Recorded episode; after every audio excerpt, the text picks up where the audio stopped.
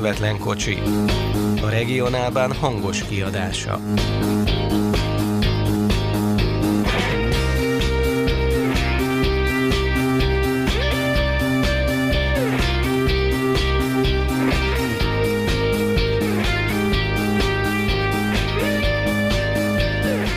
Köszöntöm a hallgatókat, jó napot vagy jó estét kívánok, nem tudom mikor hallgatják. Halász Péter az adás szerkesztője, és a közvetlen kocsi mostani adásában Amerikába kirándulunk ismét. Nagyon-nagyon érdekes témáról fogunk beszélgetni, bár elsőre talán nem tűnik olyan izgalmasnak egy tehervonatos téma, ám azért a téma csak-csak érdekes lehet, hiszen mondjuk a Discovery vagy a National Geographic is készített hasonló témákban már különböző dokumentumfilmet. Szakavatot segítünk a témában. Magyarics Zoltán. És az asztaltársaságból itt van még Svájcból, Berki Dénes, Ákos Csabáról, Mellár Marcel, és Zugló másik végéből. Szundi Szabolcs.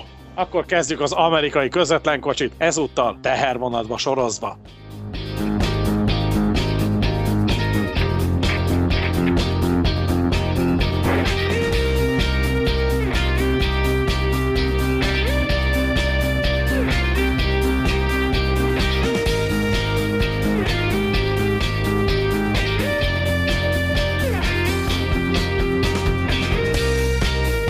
Téma mindenképpen érdekes, valószínűleg nem véletlenül szokott ilyen-olyan-olyan legek kapcsán előkerülni az amerikai tehervonatok mindenféle fajta változata, de mi most nem csak a legeket vesszük elő, lesz mit beszélni ezekről, hanem úgy általában mi terem az amerikai tehervasutazás. Az előző podcastokban már többször említettük, hogy itt azért a számológépnek nagyon komoly szerepe van, gyakorlatilag döntéseket hozhat, hogyha szabad ilyen leegyszerűsítve fogalmazni, de azért ez a történet nem ilyen egyszerű. Úgyhogy kezdjük is el talán. Zoli, te nagyon sokat jártál az Egyesült Államokba, fotóztál, és regionálban oldalán is nagyon-nagyon sok tehervonatos, amerikai tehervonatos képed is van, és hát e, igazából az első kérdés, amit itt föl is írtunk a, a, az adásmenetbe, az, hogy tulajdonképpen mi fán terem ez az amerikai tehervonatozás, főleg úgy, hogy látjuk, illetve hát az Amtrakról szóló podcastban is említettük, hogy igazából személyforgalom emellé viszont nincs. Hát javarészt nincs, ugye távolsági személyforgalom az, ami nincs, azért elővárosi személy, vagy hát van, csak ugye ahhoz képest, hogy mekkora az ország, ahhoz képest extrém gyér, meg amit mi Európában megszoktunk. Elővárosi forgalom azért sok helyen van. Most éppen néztem New York kapcsán olyan 86-88 millió utast visz évente a három nagy New Yorki elővárosi vasút vasútnak darabja, tehát összesen azért egy olyan 270 millió utas összejön évente New York környékén. Tehát azért elővárosi forgalom az van, de valóban személyszállítás, távolsági személyszállítás lényegében nincs. Úgyhogy a, az igazi távolsági vonalakat azért a tehervonatok uralják. Azt hiszem az is felmerült kérdésként, hogy mekkora az akkora. Ugye, hát mindenképpen nagy. Nagyjából úgy kell elképzelni, hogy egy, egy rendes vonali tehervonat, és egyébként az elmúlt években is ez, ez változik folyamatosan. A manapság egy rendes vonali tehervonat egy olyan 3-4 kilométer durván. 10 12-től nagyjából 18 ezer tonnáig, de mondjuk 12-15 ezer tonna az a átlag, de felcsúszhat simán 18 ezer tonnáig, nyilván ez függ attól, hogy milyen vonalszakaszról beszélünk, tehát ugye milyen operating district, tehát milyen, milyen üzemi környezet, vagy milyen subdivision, milyen vonalon fut az adott, az adott szerelmény. Nyilván hegyi vonalakon nem fognak ekkorával gurigázni, de valahol kint Nebraska-ban vagy Dakotában simán elfér, és ehhez nagyjából 110-180 kocsishoz tartozik. Ez, ez megint változik az utóbbi időben, erről majd fogunk is beszélni, és, és mindenhez tartozik ugye a számológép, tehát mindenhez tartozik egy egy lóerő per tonna kiadás nagyjából, mozdony kiadás. Tehát ugye a, a lényege ennek az, hogy minden vonalhoz, vagy minden vonalra, minden operating districtre, illetve minden vonat típusra megvan az határozó, hogy nagyjából mekkora lóerő per tonnát kell elékötni, és ennek megfelelően vannak ugye különböző vonattípusok, illetve különböző vontatási megoldások, hogy nagyjából milyen sebességgel akarom ezt a, ezt a monster elegyet átrugdosni az adott szakaszon. És nyilván attól is függ, hogy ugye a hossz egy dolog, a másik másik pedig a terhelés, tehát teljesen más nyilván egy üres konténervonat 4 kilométerben, meg teljesen más mondjuk egy szénvonat. Ha az mondjuk 4 kilométer lenne, az mondjuk általában nem szokott annyi lenni, sőt biztos, hogy nem, de, de teljesen más lóerő per tonnát igényel, és ugye itt rögtön érdemes megkülönböztetni a két, két fő kategóriát. Egyik, aminek haladnia kell, ez általában az intermodális, tehát konténer, félpótkocsi, ez, ez szokott lenni a standard, ez a, ez a gyors tehervonat idézőjelben. És hát a másik meg ugye általában a, az irányvonat, vagy, a, vagy az inga szerelvény, tehát például a Grain Shuttle Unit Train, tehát a, az, amit mi ugye irányvonatnak hívunk, illetve a harmadik lehetőség pedig a Manifest, tehát ez a teljesen vegyes tehervonat, ami, ami ez a mindent bele. Most az utóbbi évek trendje az, hogy egyre inkább Manifest irányba mozdul el a vonat összeállítás, de majd erről fogunk külön beszélni. És hát ugye itt jön elő ez, a, ez az úgynevezett drag freight probléma, tehát egy csomó olyan vonat van, ami ez a nagyon nehéz, nagyon lassú kategória ez, a, ez az úgynevezett drag freight. Ez ugye a legalacsonyabb lóerő per tonna arányú, legnehezebb vonatokra jellemző. Történelmileg ez hogy alakult ki? Hogy, hogy, hogy jött létre ez a fajta hosszú amerikai tehervonat? Ugye gondolom annak idején, amikor ott vasutat építettek, akkor ott is ilyen mondjuk így emberi léptékbe, vagy európai szemmel emberi léptékbe vehető hosszúságú vonatokról volt szó. Azóta viszont azért a technika fejlődött, és a vonatok hossza egyre, egyre nőtt. Igen, ez a számológép, itt vissza is utaltunk az elejére, ez, ez több dolognak köszönhető. Az egyik ugye a számológép, tehát a méretgazdaságosság, e felé terelte az amerikai vasutakat, hogy minél nagyobb annál gazdaságosabb. A másik pedig nyilván a, a műszaki környezet, hogy ez mennyire volt megvalósítható. Gőzmozdonnyal, korabeli technikával, első generációs dízelekkel azért ilyen őrületesen nagy vonatokat nem lehetett továbbítani, bár azért Big Boy-jal láttunk csodákat már a 40-es években, ment, de azért nem ez volt a jellemző. Ugye a fék technika sem feltétlenül volt adott ezekhez az iszonyatos méretű vonatokhoz, és akkoriban még azért ugye volt személyforgalom inkább, már hogyha a korai évekről beszélünk, tehát a kitérő hosszok, a forgalom szervezés is befolyásolta azt, hogy, hogy mit lehet és mit nem lehet nyilván egy 3-4 kilométeres tehervonat, amíg végván szorog a vonalon, és, és azt kell körbe játszani. Idézőjelbe azért az egy elég szerencsétlen dolog, hogyha személyforgalommal vegyítjük. Azt lehet mondani, hogy hagyományosan körülbelül ez az 5-6 ezer láb hossz, ezt akkor most gyorsan számoljuk át, ez maximum 2 kilométer vagy még annyi se talán. Ugyan 1800 méter lehet a 6000 láb, hogyha most így fejbe gyorsan átszámolom, 1900 méter, és, és nagyjából 5000 tonna. Tehát ez, ez volt a jellemző nagyon sokáig körülbelül a 90-es évek közepéig ez volt a jellemző, és itt azt is hozzá kell tenni, hogy kisebb cégek voltak, akik általában rövidebb vonatokkal gurítottak. Tehát ez megint a méretgazdaságosság kérdése. Egy, egy nagyobb cégnek, tehát ahogy nőttek a, a Class One, tehát a, az első kategóriás vasutak, ahogy nőttek egy nagyobbra, úgy volt értelme a szerelvények méretét is növelni. Ugye úgy tudták koncentrálni a forgalmat. A másik fontos tényező, ugye szintén ilyen 60-as, 70-es évek, ugye ez a DPU, erről korábban beszéltünk a DPU-ról, ugye a Distributed Power. Ez ez szintén nem volt adott nagyon sokáig, ez is az utóbbi évtizedek fejleménye, és ugye a DPU tette lehetővé azt, hogy, hogy már ilyen extrém hosszú dolgokkal is lehet kurigázni a vonalon, tehát mondjuk egy, egy 4 km hosszú vonatot is valahogy el tudok továbbítani, akár hegyvidéken is. És a, a legnagyobb löketet szerintem a, a 90-es évektől ez a PSR, ez a Precision Scheduled Railroading koncepció adta. Erről talán érintőlegesen beszéltünk korábban, ez ugye Hunter Harrisonnak volt az agyszüleménye idézőjelben, aki az Illinois Central-nél kezdte, és aztán gyakorlatilag az elmúlt hát 15-20 évben, azt lehet mondani 20-25 év maximum, hát 20 év mondjuk, az összes, szinte összes keleti és kanadai Class One vasútnak a, a vezérigazgatói székében ült valamilyen formában valamennyi ideig. Kézről kézre adták őt a, a befektetők, a, a Wall Street-i vasút tulajdonosok, mert ugye tudta megcsinálni azt, hogy az ilyen 80 egy nehányas operating ratio tehát ugye az egy dollár bevételre viszonyított kiadás, az ugye ilyen hát 80-85 cent vidéke volt talán a, a 90-es évek előtt. Na most Harrison ezt lebírta nyomni a 60-as közepéig a Canadian uh, Pacific-kel, Canadian National-el első kettőként. Ilyen 71-72 környékére levitte, aztán most már ilyen 65 környékére is lebírták nyomni. Ami azért... Az... Kitérve itt a gazdasági részére, azt lehet mondani, hogy egyébként masszívan nyereséges ez a tehervasutazás? Hát jelenleg masszívan nyereséges, erről majd később fogunk beszélni, hogy azért a, ennek, ennek vannak lábjegyzetei szép számmal, tehát ugye, hogy a, a szállítatóknak ez mennyire jó ez a helyzet, illetve az, hogy, az, hogy mit viszel a vasút, vagy mennyire szelektív, erről majd, majd beszélhetünk, illetve fel is írtam magamnak, hogy beszéljünk róla. Most maradva ugye a, a vonat hosszoknál, meg a, a technikai részénél, ugye a Precision Scheduled Railroading kényszerítette ki azt, és, és ugye nyilván a számológép ezzel összefüggésben, hogy növelni kell a vonatok hosszát, és ugye tehát kevesebb emberrel, kevesebb, kevesebb mozdonnyal kell ugyanazt ballaszt vagy, vagy nagyobb tonnát passzírozni a, a pályán. És ugye ez lett a 10-12 ezer láb, tehát ez a kb. 3-4 kilométeres hossz, illetve ez a 12-18 ezer tonna vidéke nagyjából, mint limit. Most ugye ezt, ezt időnként megpróbálják egészen extrémre tolni. Néha lehet látni ilyen tesztvonatokat, ahol a DPU már úgy néz ki, hogy nem csak elő, középen, hátul van gép, hanem, hanem két helyen van középen gép, mert annyira mocskos hosszú a szerelvény, hogy ez, ez már azért egy, egy picit extrém, ezt inkább csak tesztüzembe próbálgatják, de úgy, hogy elő, középen, hátul, illetve hát a középen, azt majd mindjárt beszélni fogunk róla, hogy nem pont középen van, de, de az, hogy elő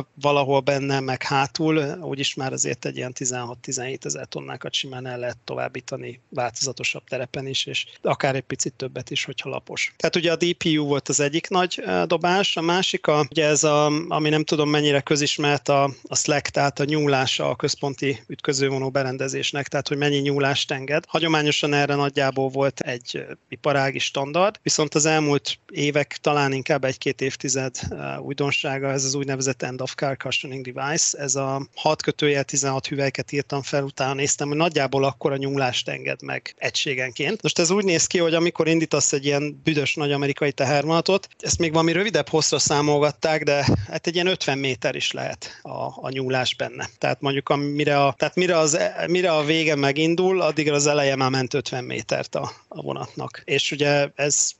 ha jól emlékszem, ezt egy ilyen két és fél három kilométer környékére számolták ki, vagy még annyira se. Tehát, tehát lehet, hogy azóta több van, meg ugye ez a standard nyúlása, és ugye ez az end of car uh, device, ez az EOC, end of car uh, cushioning device, ez, ez ugye 6 kötője 16 hüvelyket tud, hát ugye a 10 hüvelyk az 25 centi, tehát akkor kocsinként átlagosan egy 50 centit biztos tud nyúlni a, a téma. És ugye így lehet ezeket a, az elegyeket valamelyest uh, jobban kezelni. Arról majd esetleg beszélhetünk, hogy, hogy baleseti szempontból, vagy vasútbiztonsági biztonsági szempontból ez milyen új problémákat vet fel ez az IOC device, mert elég érdekes következményei is lehetnek ennek, hogyha ha például fékezni kell. Hát ez igen, ez egy érdekes dolog, és ugye ehhez már szoftveres vonat összeállítás kell, és ugye ezt írtam fel így, így harmadiknak, ami, ami 90-es évektől, nem is tudom, hogy hívják az úriembert, Wolf, Wolf Consulting Atlantában, de nem, nem emlékszem a keresztnevére neki. Na mindegy, ez egy atlantai cég, egy, egy, egy úriember, aki ilyen balesetvizsgálat, meg ilyen vasúttechnikával foglalkozik, foglalkozott tanácsadóként egy, egy tapasztaltabb fazon, és akkor ők kezdtek erre egy ilyen kis céget, 90-es évek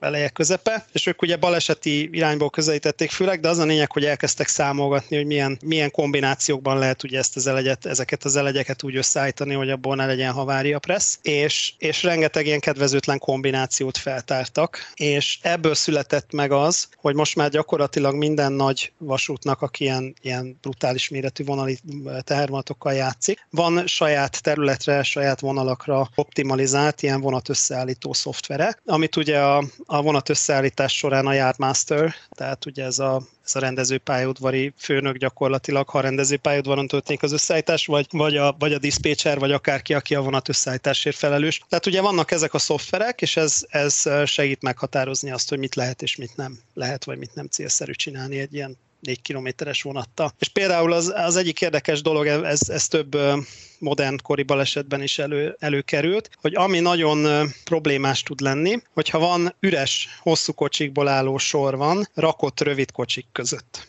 Tehát ugye fékezésnél ez, ez, ez nagyon problémás, mert ugye az üres hosszú kocsik azok nagyon könnyen tudnak bicskázni. Már nem úgy, mint a kocsmában, hanem ugye bebicskázni a, a, a, a különböző erők hatására. Tehát egy, egy nemrégiben volt egy baleset, ahol pont az volt a sztorim, hogy két üres pőrekocsi került két rakott tartálykocsi, illetve tartálykocsi blokkok közé, és hát mit áld Isten, illetve hogy nem elvtársak, fékezésnél ugye a két, két pőrekocsi volt a gyenge láncszem, és ők bicskáztak be, és ott siklott ki az egész vonat. Akkor arra is van, van ilyen szoftveres szabály általában, hogy hogy üres kocsikból álló, tehát M10 blokkot, azt nem lehet a gép után tenni rögtön, ezt mondjuk valószínűleg könnyű belátni, hogy, hogy miért nem célszerű. Ugye, hogyha elől elkezdesz fékezni dinamikus fékkel, és mondjuk hátulról rátol egy, van hátul egy csomó rakott kocsid, és ugye rátol erre az üres blokkra, hát ez nem a nem egy életbiztosítás. De, de egyébként ezeket a szabályokat azért nem ezzel találták ki, gondolom, tehát hogy nem a szoftver volt az első, aki ezt... Ja, nem, nem, nem, nem, tehát, hogy ezek nem, már nem, nem. 150 éve nagyjából, csak az hosszú vonatoknál nyilván egyre bonyolultabb átlátni, hogy mit hova tudsz rakni. És, Pontosan. És ebben nyilván hatalmas segítség lehet, hogyha egy uh, szoftver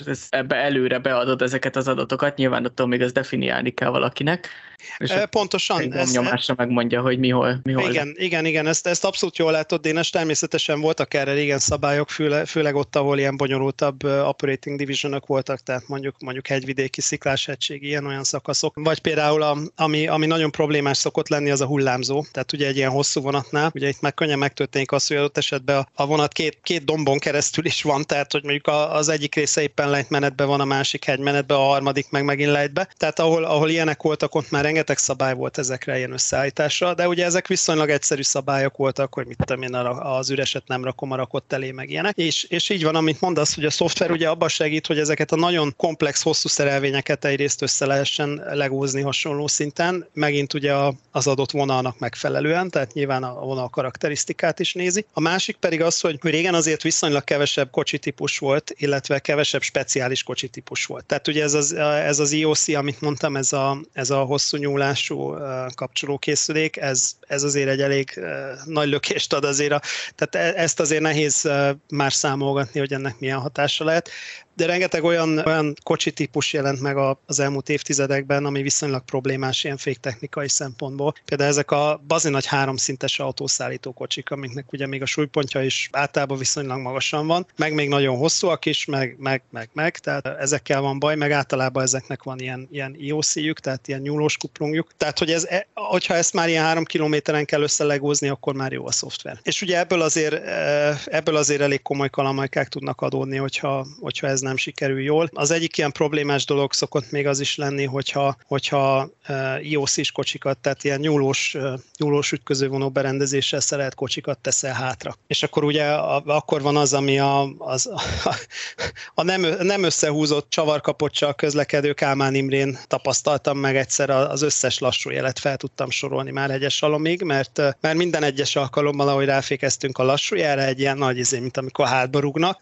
mert ugye megjött a, a, a vonat vége megjött. Ugye nem volt szorosan csatolva, valaki elfejtette összehúzni, és akkor mindig megjött a vonat vége, és bum. Na hát ez, ez a bum azért, hogyha mondjuk Válogatni a szoros csatolásba, mert kapcsoló szerkezet sajátossága adja van. Hát igen, ugye ez, ez itt így ebben a formában nem merül fel, viszont hogyha ez, ez, a, ez a speciális EOC-s központi ütközővonó berendezés van hátul mondjuk 30 rakott kocsin, és mondjuk azok csinálják meg veled ezt a lökést, akkor az, az lehet, hogy az egy, tudom, egy ilyen 4000 tonnás lökés, az, az egy picit más, mint amikor a Kálmán Imre utolsó két kocsi löki meg az első nyolcat vagy hatot, tehát igen, igen, igen, azért, azért az nagyobbat tud lökni. Meg hát, meg ugye a másik az, a, ezeknél a brutálisan hosszú vonatoknál a másik probléma, ez az úgynevezett stringline uh, kisiklás. Tehát ugye ez a, nem is tudom, hát ugye ez megint ilyen egyszerű fizika, tehát ilyen, ilyen baromi hosszú uh, szerelvényt húzol egy ívben, és akkor ugye az erőhatások miatt ugye az egész cucc az ív belső felé törekszik ugye a feszülés miatt, és, és viszont itt van az, hogyha van benne középen mondjuk egy üres csoport pőrekocsi, és mondjuk szerencsétlenül állnak össze a körülmények, akkor simán megtörténhet az, hogy egyszerűen az berántja az erőhatások, ugye azokat a pőrekocsikat fogják ugye az ív belső felé berántani, tehát ez a stringline kisiklás, ez hát nem gyakori nyilván, de, de ez mondjuk egy elég veszedelmes dolog tud lenni. Említettük már, hogy milyen vonatok vannak, de tényleg milyen vonatok vannak az Egyesült Államokban? Ugye mindig csak azt látjuk ugye az ismeretteresztő filmekben, hogy valami baromi hosszú, van benne mondjuk valamilyen fedett kocsi, esetleg valami önürítős kocsi, de azért ennél sokkal szofisztikáltabb ez a kínálat, nem? Az egyik az, ami nálunk is viszonylag ismert, ez, a, ez az irányvonat, tehát ugye ez a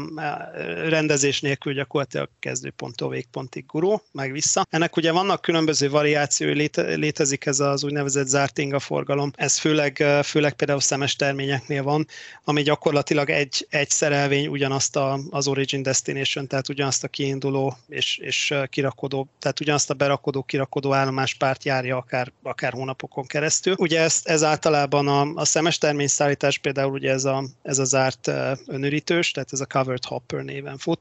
Zárt önürítős kocsiban történik, ez azért nagyon hasonlít az európaihoz, bár általában ezek szögletesebbek, tehát nincsenek lekerekítve. Másik ilyen jellemző irányvonati dolog az az olaj. Ez különösen amióta, vagy amikor most talán megint felfut, amióta ugye ez a palaolaj dolog van. Ugye a palaolajat egy csomó olyan helyen elkezdték kitermelni, ahol nincsen vezeték, és ugye mi a csodával lehet szállítani, hát vonattal. És ugye az elmúlt hát 10-15 év fejleménye, hogy megint divatba jöttek ezek az olaj, nyersolajat szállító, kőolajat szállító inga irányvonatok. Ezek általában szintén zárt, zárt inga forgalmú vonatok, tehát hogy megvan, hogy mit tudom én, van egy finomító valahol, és akkor Észak-Dakotából vagy Dél-Dakotából oda a finomítóba ingázik oda-vissza. Ennek ugye egy hasonló variációja a, szenes inga. Ezek általában 100-125 kocsi környékén vannak, ugye ezt, ezt bírja a rendszer.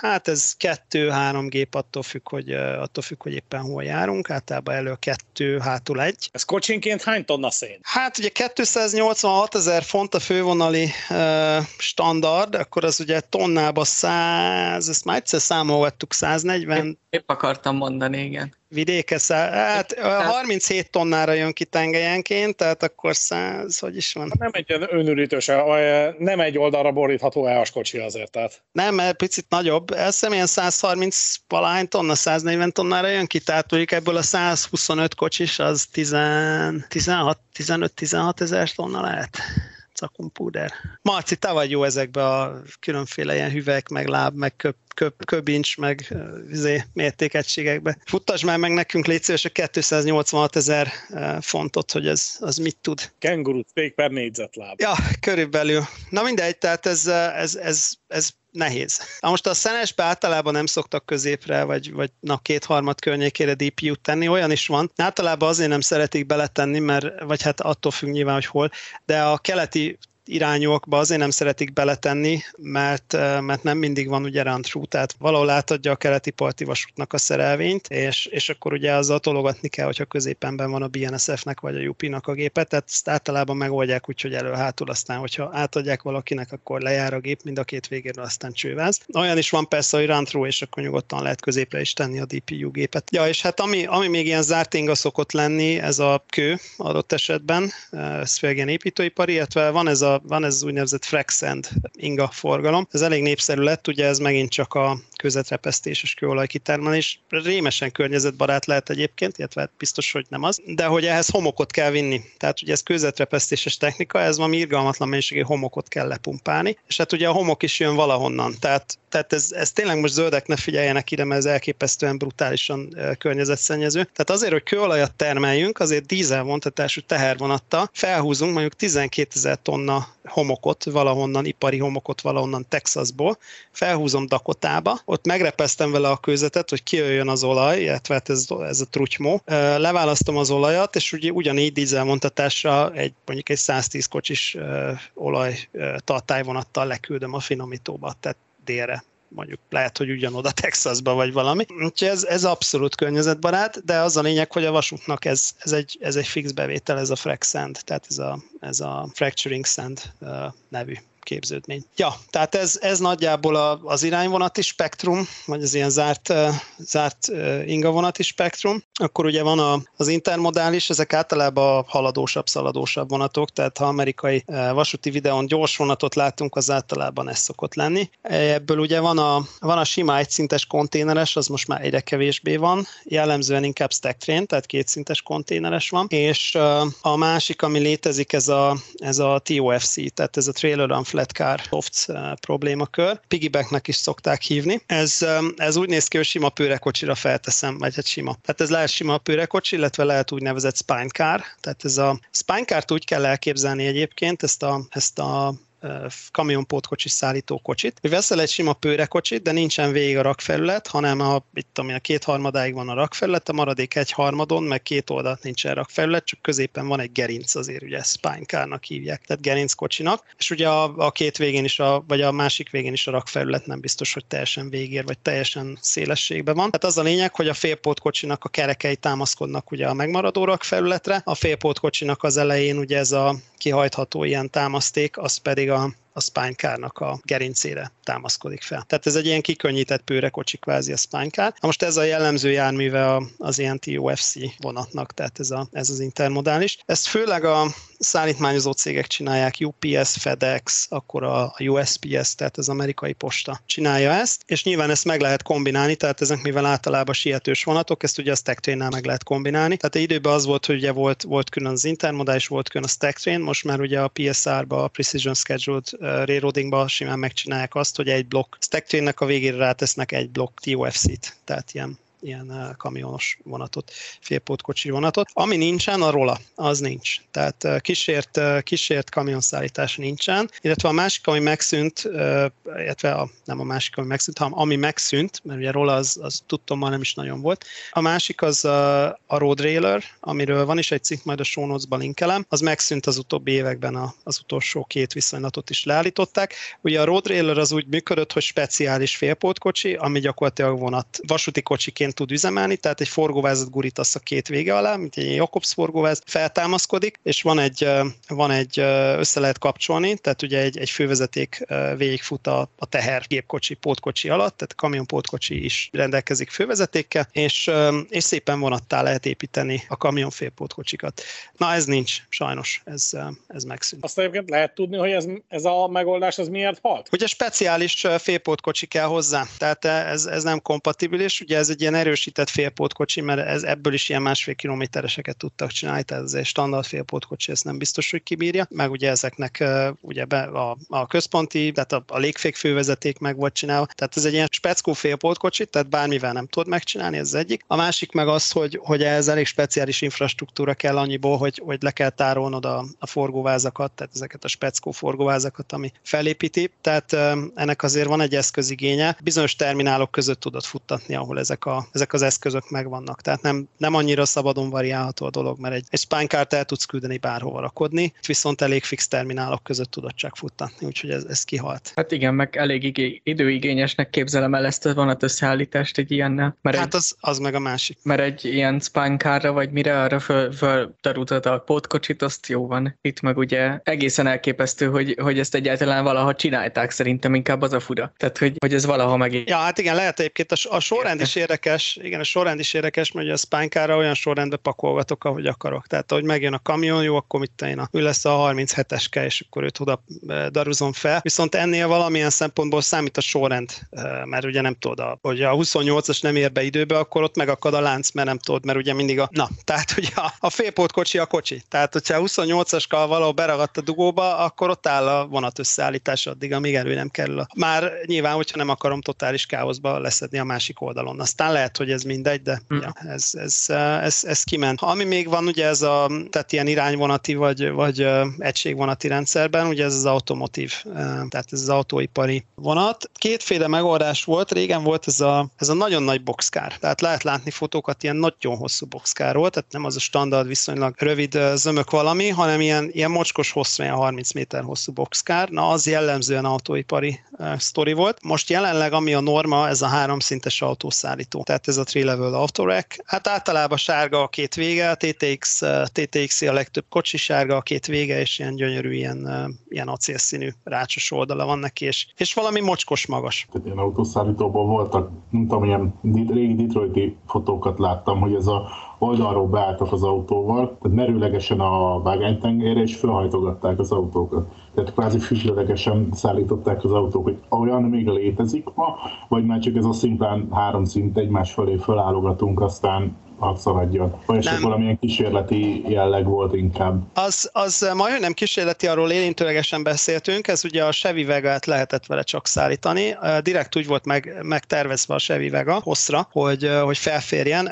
Vertapeknek hívták, tehát ugye ez a vertikális Vertapek, tehát vertikálisan rakni, vagy nem tudom, amit, amit te mondasz, és, és csak Chevy Vegára volt ez az egész találva, és ugye az volt a lényege, hogy ebből a Chevy Vegából, hát nem is tudom, vagy 20%-kal többet így, így fel lehetett legózni a vonatra egy ilyen vörtapekre. Ez majdhogy nem kísérleti volt, mert ugye erre az egy típusra működött a dolog. Tehát ha más gyártott Chevy azon a héten, akkor már más kocsi kellett hozzá. Úgyhogy ez, ez nem nagyon működött. Még ugye annyi volt a trükk, hogyha belegondolunk, hogy a, a, az autót ugye nem szokták azért így mozgatni, hogy, hogy az órával előre függőlegesen általában. Még, még az autótolvajok se így viszik ugye a kamionba. Hát, még, meg már baj. Tehát... Az, az már baj, igen. Autótolvajok is ugye a kamionba viszintesen viszik. Na mindegy, tehát hogy azt is meg kellett itt oldani, hogy a, a folyadékok hogy vannak egy ilyen helyzetben, ugye nem folyik minden össze-vissza szanaszét. Olaj például ki a blokkból, meg mit tudom én, vagy úgy, hogy, hogy utána problémás legyen, hogyha be kell üzemelni az autót, vagy akufolyadék, nem tudom az akufolyadék mennyire tudott ezekből, vagy nem tudott kifolyni. Na mindegy, erre két verziót hallottam, nem tudom melyik az igaz. Az egyik az, hogy gyakorlatilag szárazon vitték ezeket a kocsikat, és a kereskedésbe töltötték fel olajjal,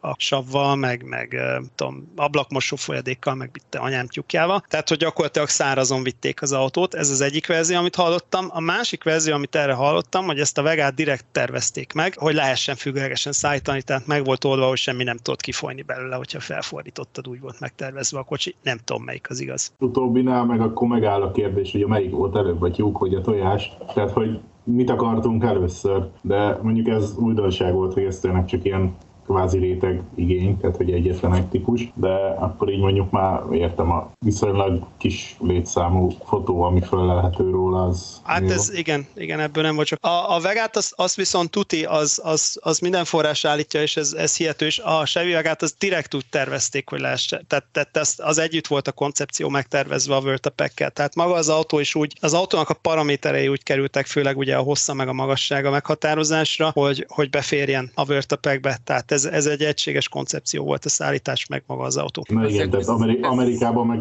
tudjuk nagyon jó, hogy szeretik a, a, a nagy batárautókat. Tehát... Hát egy, egy klasszikus ilyen, ilyen három, három koporsós csomagtartó Station Wagon, az, az nem nagyon működött volna a Vertapekkel, mert bármilyen magas is az űrszelvény, azért annyira nem. Azért ez, ez, ez, ez egészen elképesztő, ez nekem is új info, hogy ez direkt így terveztek egy autót, hogy fölférjen a vonatra, azért ez nem semmi. Hát nem is az, hogy fölférjen, mert így férjen föl. Hát nyilván, igen, nyilván. Függőlegesen. Úgy az, értem, igen. Fölfér, nem egyébként de akkor, ez... de akkor ugye ezzel az autóval együtt kellett fejleszteni az őt szállító teher kocsit is, mert hogy uh-huh. nyilván az sem volt előtte, hanem az ehhez való. Hát, és amikor ez az autótípus kifutott, akkor azt is lehetett kukázni. Igen, így van egyébként, Én igen, igen, igen. Igen, ami, ami ugye azért szép, és, és ez, ez így utólag ez a, hogy józanok voltak-e, ugye ez azért szépen mindig mondják, hogy mert vasúti járművet 30-50 évre, vagy 30 évre legalább tervezünk, bla bla bla. És hát, hogyha azt veszed, hogy Amerikában modellév alapján különböztették meg a kocsikat, mert uh-huh. gyakorlatilag évente úgy modellév volt, és akkor ugye a Doc Hollywoodban, hogy ez, a, ez egy 55 55-ös vagy egy 56-os Spitzter, ugye van, van az elején, mikor leborotválja Michael J. Fox a kerítést. Na hát ugye ez ez, tehát hogy, hogy, hogy modellév volt, és akkor most, hogyha belegondolsz, hogy akkor a Chevy Vegát 30 évig kellett volna gyártani ahhoz, hogy ne kukázd a vasúti kocsit. Szóval mindegy. Na, itt valami elcsúszott. Na, de próbáltak mást is különben, tehát próbálták, próbálták azt is megcsinálni, hogy ugye ne kelljen nagyon külön kocsitípus csinálni erre az egész bulira, ez kicsit a másik irány, hanem egy ilyen cserefelépítmény legyen. Tehát ezt úgy kell elképzelni, hogy van egy pőrekocsi, és van egy mocskos nagy doboz, amiből három megy egymás mögé egy ilyen pőrekocsi, és akkor dobozban vannak az autók három szinten pakolva. Ilyenről is van fotó, ennek nem tudom, hogy volt-e valamilyen ilyen kódneve, vagy fantázia neve, hogy még a Santa Fe bütykölt ezzel főleg, és akkor gyakorlatilag a dobozokat darusztad az autókkal együtt, és a pőrekocsit meg csak kicsúsztattad alóla. Szerintem ez a magasságon csúszott el valahol, nem, nem vált be se. Ugye, ha megnézzünk majd ilyen mai háromszintes autórekket, akkor az látszik, hogy nagyon alacsony. Tehát egy, egy jóval alacsonyabb egy pőrekocsinál. Nem annyira alacsony nyilván, mint egy rola, de, de amerikai viszonylatban ennek nagyon lent van a, a raktere, az alsó tehát a, a főkerete nagyon lent van ennek a cuccnak. Úgyhogy, úgyhogy lehet, hogy akkor itt ez, ez volt főleg a probléma, hogy ott, ott úgy meg már nem lehetett olyan jó megcsinálni, mert akkor az már egy spéci kocsi. Tehát az az ötlet az nem igazán jött be, hogy egy normál idézőjelben kocsit, tehát egy normál pőrekocsit kezdek el dekorálni egy ilyen dobozza. És hát a másik, ami, ami problémás most az utóbbi években, ez az SUV mánia, tehát ugye az, az amerikai a háromszintes autószállító az úgy háromszintes, hogy ebből a, ebből a koporsó szállító. Megvan a, nem tudom kinek van meg a kombi akkord, a régi, az nagyon lapos, úgy néz ki, mint valami balta. Az a, az a nagyon lapos akkord, na most abból ugye nem kunst hármat egymás fölé rakni, meg ezekből a régi amerikai tepsi kombikból se, de hát ugye az SUV az már egy kicsit bajos, úgyhogy az inkább, inkább kétszintes lett a háromszintes autószállító az utóbbi időkben. Na, ezen a helyen nem szeretnék semmit, semmi rosszat mondani az SUV SUV-kra, de Igen, az most off képzelje, topic, de képzel, képzelje oda mindenki, igen. ez most off topic. Az SUV-król so, sok mindent lehet mondani, nem csak jót. Ugye emlegettünk itt hogy zárt vonatokat és a zárt irányvonati forgalmat, de ez a klasszikus vegyes tehervonat, ez, ez mennyire divat? Hát ez, ez divat, és olyan értelemben egyre inkább divat, hogy, hogy ennek egy picit lement az ázsiója, ezt ugye manifestnek hívják. E- e- Erre egyébként az amerikai vasútbarát zsargonban is szerintem legalább 80% az embereknek nem tudja, hogy mi a franc ez a manifest. Én is nagyon sokáig kutattam utána, hogy ez honnan van ez a manifest. De ugye, hogy a manifest az ebben az esetben ugye ez egy, ez egy kocsi lista, tehát innen kapta a nevét. Tehát, hogy listás vonat, mármint, hogy van neki kocsi listája, mert érdemes listázni, mert nem 120 darab ugyanolyan szenes kocsiból áll, és akkor ebből, ebből ragadta a vegyes tehervonaton rajta a manifest név. Olyan szempontból ez, ez megint jön vissza ez a manifest, hogy amíg rövidebb vonatok voltak, addig viszonylag egyszerűbben lehetett azt mondani, hogy jó, akkor ez, én most csak ezt szállítok, vagy csak azt szállítok. Viszont ugye a számológép elkezdett számolni, és jöttek ezek a büdös nagy 3-4 kilométeres vonatok divatba az utóbbi években. Itt, itt jött a, az úgynevezett block swap, erről majd fogunk beszélni, hogy a rendező pályaudvarok ugye nem túl hatékonyak, és ugye a rendező pályaudvarokat ö, sok helyen beszántották. Viszont ez ugye ahhoz vezet, hogy rengeteg ilyen menet közbeni random helyeken történő block swap történik. Tehát, hogy irány szerint építenek fel előre szerelvényblokkokat, tehát mit egy fél kilométeres szerelvényblokkot, vagy egy kilométerest felépítenek, és akkor menet, menet közben a vonatok ezeket cserélgetik. Ugye ez az alternatívája a rendező pályaudvarnak, Ö, és ugye síktolatás jelleggel ezeket a blokkokat cserélgetik. Na most nyilván könnyű belátni, hogy ebben az üzemben előbb-utóbb mindenből manifest lesz, mert ugye azt nem tudod megcsinálni, hogy automotív csak automotívval cseréljen, intermodális csak intermodálissal cseréljen. Tehát ez most egy, egy viszonylag modern trend, hogy gyakorlatilag mindenből kvázi manifest lett, mert, mert az intermodális végére rábigyeztek egy kis olajat, meg meg éppen ami összejön. És hogy ugye ebbe, ebbe mik lehetnek, egy, egy, jó, azért van klasszikus manifest, amiben ugye nincs két egyforma kocsi, tehát ez a, ez a műfaj ez továbbra is létezik. Ugye ebben mi lehet? Az egyik, ami lehet a, a klasszikus boxcar. Ugye a boxcarban nagyjából mindent el lehet vinni. Volt is valamilyen mondás, hogy am- ami boxcarban nem szállítható, azzal nem is nagyon érdemes foglalkozni. Régi módi vasutas izé, mondjuk olajat nehéz, de ja, azon kívül nagyjából mindent, ami szilárd végül is el lehet vinni benne. És ugye ez a High Cube És boxcar. olyat is ihetsz, csak rak bele előtte hordóba. Árakt hordóba, yes, nem. nem ez a Cube boxcar megy, ez a Plate Plate H, K, nem, Plate K-s. Ugye vannak ezek a plétek, hogy, hogy mekkora ez a, ez a ra- rakszelménye a kocsinak, illetve a, a külső méretei, ugye, tehát hogy mibe fér bele. Ugye van ez a Plate K boxcar, ez, ez a legnagyobb, ez, ez büdös magas, tehát ez ilyen, pfú, nem is tudom, 5,5-6 méter környéke, majdnem 5-8. Meg kell nézni, fenn vannak ezek a plate, uh, plate méretezések. Na most van olyan boxcar, ami már majdnem akkora, mint a háromszintes autószállító, tehát ilyen melbevágó méretű cucc. Ez, ez most a menő. Van még divatja a hűtőkocsinak. Ez, ez egy érdekes dolog Európából, ugye ez már kihalt ez a műfajtán, csak orosz nyelvterületen létezik, vagy poszt-szovjet uh, térségben létezik. Kvázi. Hát nem is tudom, én már nem láttam nagyon régen. Utoljára a 90-es években láttam mindenféle ilyen hűtőkocsikat leállítva. Császárszállás, meg ilyen helyeken. Az RHB-nál van még. Jó, na az, jó, az RHB, jó. Na jó, az mindig a kivétel. Jó, az, az egy játékvasút, ezt már megbeszéltük. Fölvenni kamionnal. Jó, hát jó, de na, tehát a, a rendes vasút, na jó, ez csak vicc volt. Na, nem bántjuk az RHB. Nem, na, tehát a, a normál nyomtávú. Európai törzshálózatról. Így jó? Ez korrekt? Igen. Igen, normál nyomtávú európai törzshálózatról kikopott a, a, a hűtőkocsi. Ellenben a nyom, normál nyomtávú amerikai törzshálózaton még megvan, főleg Kalifornia és Florida ez a két sarokpont, tehát kaliforniai meg floridai zöldséggyümölcs fuvarokra van és léteznek zárt hűtőkocsis irányvonatok, ezek tök jól néznek ki. Egy stocktoni fotós, fotós kirándulásom alkalmával sikerült egy ilyet lőnöm, úgyhogy az is megy a show notes-ba, mert erről van is képem. Azt hiszem az narancs vagy valami ilyesmi. Van ilyen, vannak direkt cégek, akik erre vannak szakosodva, hogy ők akkor összegyűjtik, és akkor irányvonatot képeznek narancsból. 80 kocsi narancs. És akkor ugye ami még népszerű a faáru szállításra, van ez a Center Beam nevezetű pőrekocsi. Ez úgy néz ki, hogy van egy pőrekocsi, aminek a két végén van két nagy ilyen fal gyakorlatilag, és középen pedig van egy, van egy ilyen véghúzódó, függőleges ilyen gerinc. Nem, nem falat kell elképzelni, egy ilyen rács szerkezet van középen végig, és akkor ugye ez azért jó, mert két oldalról lehet a deszkát pakolni a, ennek, a, ennek a középen véghúzódó rácsnak a két oldalára stokkizott fel ugye a deszkát, és akkor gondolom ahhoz lehet is rögzítgetni. Ez, ez a center beam car, tehát ezt lehet még viszonylag sokat látni. Ugye a hopperről beszéltünk, tehát az önörítősről, ebben van ugye a szén, meg cox, ez az, az, a, az a nyitott tetejű, és akkor a grain hopper, a covered hopper, tehát a, az átönörítős, az általában gabonás. Ugye van még gondola, ez a mi EOS kocsink, csak sokkal hosszabb, értelemszerűen, alacsonyabb a fala, viszont rohadt hosszú tehát ilyen BHV kocsi hosszúságú gondolák. Ez általában tömegáru roncsvas. Ez, ezek gyönyörűen néznek ki, némelyik úgy le van ütve, ilyen hordós a hasa az egésznek, ilyen, ilyen, ilyen, ilyen kiflibe van már hajóval a kocsi ezer éves, és akkor még mindig ott izé cammog a roncsvassa. Ez, ezek néznek ki a legjobban egyébként, tehát ez, ez a helyi le, lecsofat szilike, vagy nem tudom, EAS kocsi. Igazából úgy több fér bele, hogyha hasos az alja, nem? Hát pff, lehet. Ezeket, ezeket szerintem egyébként rendesen meg tudják rodgyantani e, roncsvassal, már ahogy így nézegettem, ezek, ezeket nem kimérik. Meg lehet látni ilyen videókat, ahogy pakolják ezeket roncsvassal, és akkor így egy kicsit így megütögetik felülről a markolóval. Szerencsétlen kocsi, meg majd szétnyek. Hát Ez... tudod, mint ahogy a kávéfőzőben is, hogy összetömöríted a kávét, hogy úgy, úgy beleférjen, meg mindent, nem így puposan, csak így. Na az, az, az. Tehát ilyen, ilyen, gondol a kocsi rakodást, jó mondjuk érzékeny,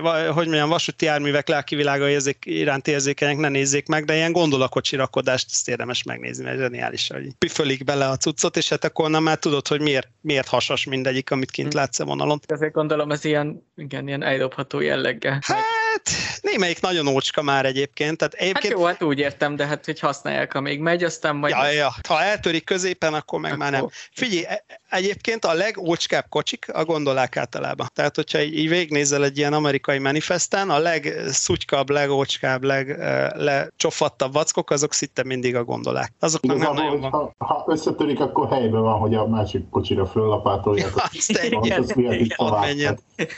Hadd menjen. Van még ugye megszámlálhatatlan mennyiségű tartálykocsi. Most ami, a, ami az érdekesség, hogy Amerikában elég furcsa dolgokat is tudnak tartálykocsival szállítani, vagy hát nem tudom, lehet, hogy Európában is szállítanak, csak nálunk nincs, nincs mindig akkor a havária pressz belőle. De Amerikában ez viszonylag rendszeres történet, hogy kisiklott x a tervonat, és a 3000 fős települést evakuálni kellett, mert szivárog a. És akkor ide általában mindig valami nagyon sok keresztes, nagyon robbanékony, nagyon gyúlékony, nagyon izé vegyi anyag szokott jönni. Egészen elképesztő dolgokat lehet olvasni, hogy mi a franc van a vonaton. A, az egyik legextrémebb, amit tudok, valahol Kaliforniában történt talán 90-es éve, nem, még lehet, hogy még régebben. Na mindegy, ez egy viszonylag híres baleset volt.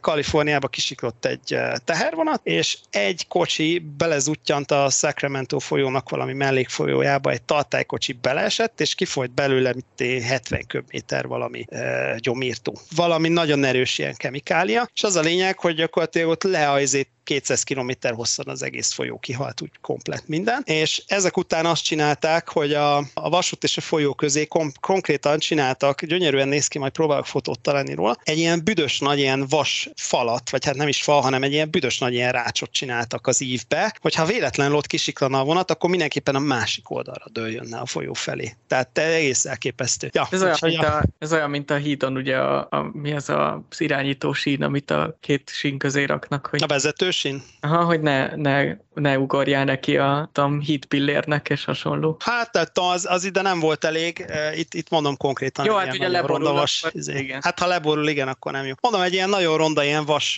rács falat csináltak oda, hogy nehogy véletlenül megint. Ja, úgyhogy a, a tartálykocsiban mindig izgalmas löttyök vannak, és akkor ugye vannak az ilyen furcsa dolgok, ilyen acéltekercses kocsi, akkor van ott is ez a, ez a torpedó kocsi, csak kicsit másképp. Illetve torpedó végül is az is van. Chicago környékén lehet főleg látni ugye ezeket a torpedókat, ilyen olvasztott vas című történet. Meg van ez az úgynevezett depressed center flat car, tehát ez a, hogy hívják ezt nálunk? Hát ez a sülyeztett közepipőre. Tehát ami ugye igen. sülyeztett rakterű, vagy mi a francia. Há, igen, igen, igen, ez a hattyú, hattyúnyakas. Nem a snábel, tehát nem ez a nagyon-nagyon-nagyon extrém hosszú, ilyen 20 tengelyes, hanem csak ilyen sima, itt egy négy tengely, de viszonylag uh, hosszú, de, de sülyeztett a közepe. Ja, már ilyenek vannak. Arról beszéltünk, hogy vannak ugye a hosszú távú vegyes vonatok, ha mondhatjuk így, de van-e ilyen iparvágány kiszolgálás, ilyen helyi átállítós vonat az usa vagy ez, ez annyira nem biznisz, és inkább elviszik egy csomó pontból már kamionnal a cucca? Egy jó tolatós, igaz? Egy, jó tolatos. Egy jó tolatos sose rossz. Egy jó tolatos sose Jó, rossz. Tolatos jó van. toki. Tehát tolatos van, és egyébként egész hosszú tolatósok vannak. Tehát ugye mekkora az amerikai tehervonat nagy. Már olyan értelemben is, hogy a, egy helyi tolatós is lehet, mint egy 180 km. Főleg a nyugati államokban vannak olyan mellékvonalak, ilyen, ilyen mom and pop shopnak Hát, hívják. ja, Tehát A 180 km az nem a vonat hossza, tehát nem, nem, nem, nem, nem. A vonal, csak azért mondom, hogy a tolatós, de, igen, a mértékegységeket tegyük tisztába. Tehát, hogy a, nem, csak, csak azért mondom, hogy a tolatós teher az abszolút van, tehát ugye ez a, erről fogunk beszélni, ezt a regionális, meg az ilyen shortline-ok csinálják, ez a, ez a elviszem a, ezt a 10-15 kocsit a, itt valamelyik faluba, és ugye ennek a, az érdekessége az, hogy néha ezek a tolatos terek igen nagy távokat tudnak megtenni, mert ugye Európában általában az van, hogy azért mindig van közel valami nagyobb város, vagy hogy városon belül van a tolatós ter, izé. tehát olyan extrém hosszú tolatós terek nincsenek talán. Amerikában viszont vannak, nyugati államokban van sokszor az, hogy ilyen papa-mama cég, tehát ilyen garázs eh, shortline, adott esetben itt ilyen 100-150 kilométeres vonalon is tud gurigázni. Azt hiszem Utahban tudok olyan mellékvonalat, amilyen 180 km, meg fenn Montánában is van ilyen 130 km körüli mellékvonal, és akkor hetente kétszer-háromszor azon végigbattyog a tolatós azzal a mit te, 8-10 kocsival, azon a kvázi 150 km périn. Ja, de hát az, az elég spéci. Úgyhogy ö, tolatós igen, az van, és, és a, az átállítós, az a transfer train, vagy transfer job, hát az az kicsit kihalt. Tehát ugye erről fogunk beszélni, hogy, hogy cégfúziók így meg úgy. Az átállítósnak ugye a fénykora az akkor volt, amikor még viszonylag sok klassz van volt, és volt egy csomó nagyobb város, ahol lehetett ilyen átállításosat játszani, tehát az egyiknek a rendezőjéről a másikra átvinni. Ez, ez gyakorlatilag most már csak Chicago környékén megy valamelyest, St. Louisba megy, meg, meg Kansas City környékén talán. Még Memphis az ilyen nagy átadó pont, de ott nem is nagyon tudok ilyesmiről. Ez a három város az, aminek van egyébként ilyen helyi önálló tolató cége kvázi, vagy ilyen terminál tolató cége, akik ilyen átállítós dolgokkal gurigáznak. De ez, ez a műfaj kicsit kihalt. Ezek voltak különben a legérdekesebb mozdonyok, a, ezek voltak a középvezető fűkés, ilyen moskos hosszú ö, hat tengelyes tízelek. Baldwinnak volt, Baldwin DR, pff, 6-12, valami ilyesmi hülye számaik voltak. Na ez, ezek voltak az átállítós termonacsal, tehát ez középvezető fülkés, nagyon hosszú dízel. Beszélgettünk itt már erről, és szó esett nagyon röviden arról, hogy Class 1, Class 2, tehát ez a besorolása a különböző vasúti társaságoknak. Ez mit jelent? Tehát mi alapján lesz valaki Class 1, Class 2, és, és meddig lehet ezt a sort fokozni? Ja, jó kérdés. Hát ugye a Class, class 1 lehet fokozni a sort, tehát ők a legnagyobbak. A besorolás az, az méret alapján történik, egészen pontosan pedig árbevétel alapján történik. Ezt a rendszert már nagyon régen csinálják, most, tehát ez úgy nézett ki, hogy ezt, ezt valamikor megcsinálták ezt a rendszert még a, az ICC időkben, tehát ugye ez az Interstate Commerce Commission, ezt um, erről beszéltünk korábban a, a személyvonatos sztorik kapcsán, ugye ők voltak a rossz fiúk, akik nem engedték leállítani a helyi személyvonatot,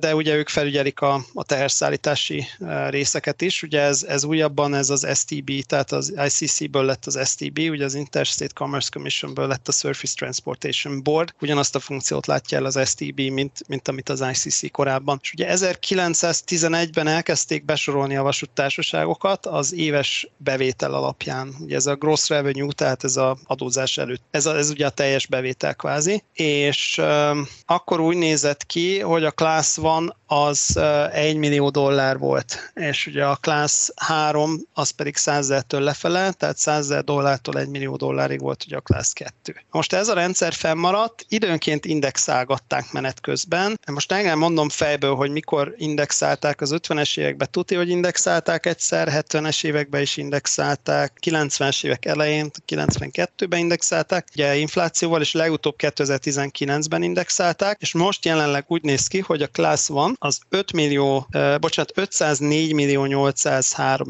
294 dollár, ez most puskáznom kellett, mert ez, tehát ez egy gyönyörű szép kerek szám. Tehát kvázi De régen. És ha csak egy dollárral kevesebb, Jut akkor... eszembe. Hát, Akkor szaros Class 2 vagy, így van. Jó, ez egyébként hülyeség ez az egész, tehát ez, ez klasszikus bürokrácia, tehát ez, ez valami, izé, valami, nem tudom mi, inflációval felszorozva az 1911-es 1 millió dollár. Eh, Zéró értelme van, mert, mert eh, 500 millió dollár az 500 millió dollár, tehát most az lehetne kerek 500 is, tehát már nincs, nincs ilyen az már a Holdról is látszik, de Brüsszelből mindenképpen. Hát mennyi, mennyi az 500 millió dollár forintba, az, az jó sok.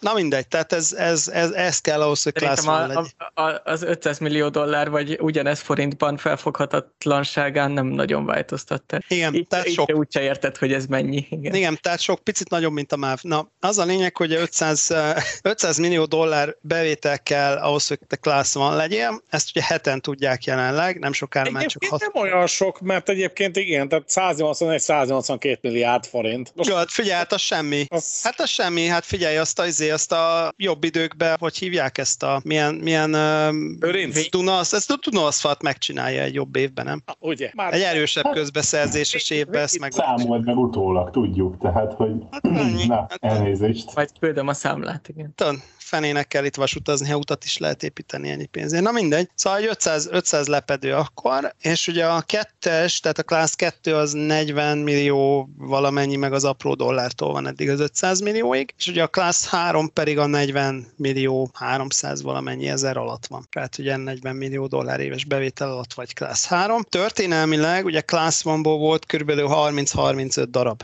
akkor, amikor még ugye a besorolás volt. Ma jelenleg 7 darab van, de ez úgy 7, hogy ez most már csak 6, mert ugye a Kansas City southern a legkisebb class van felvásárolja a Canadian Pacific, és akkor így maradnak hatan kettő kanadai, négy amerikai, a négy amerikaiból kettő keleti, kettő nyugati, és majd erről beszélni fogunk, hogy ez miért fog valószínűleg így maradni, vagy ez miért egy ilyen törékeny egyensúly. Ugye a Class 2 az akkor 40 és 504 millió közötti, és ezek nagyjából, ezek a 200-tól 1000 mérföldes vonalhoz nagyjából, tehát így kell elképzelni. Tehát ez egy ilyen 300 valamennyitől nagyjából 1600 kilométeres vonalhoz szik. Tehát ez tényleg már viszonylag ugye regionálisabb buli. Ilyen például van egy pár ilyen nagyon ikonikus itt a, a Florida East Coast, például egy nagyon jellemző Class 2-es, gyakorlatilag egy egyvonalas történet. Náluk ugye az, a, az az egyszerű üzleti modell, hogy a, ez is milyen egyszerű egyébként, hogy, hogy Amerikában mire lehet vasutat csinálni. A lényeg az, hogy Florida rengeteg árut fogyaszt, tehát a kamionok rakva érkeznek Floridába, viszont Floridába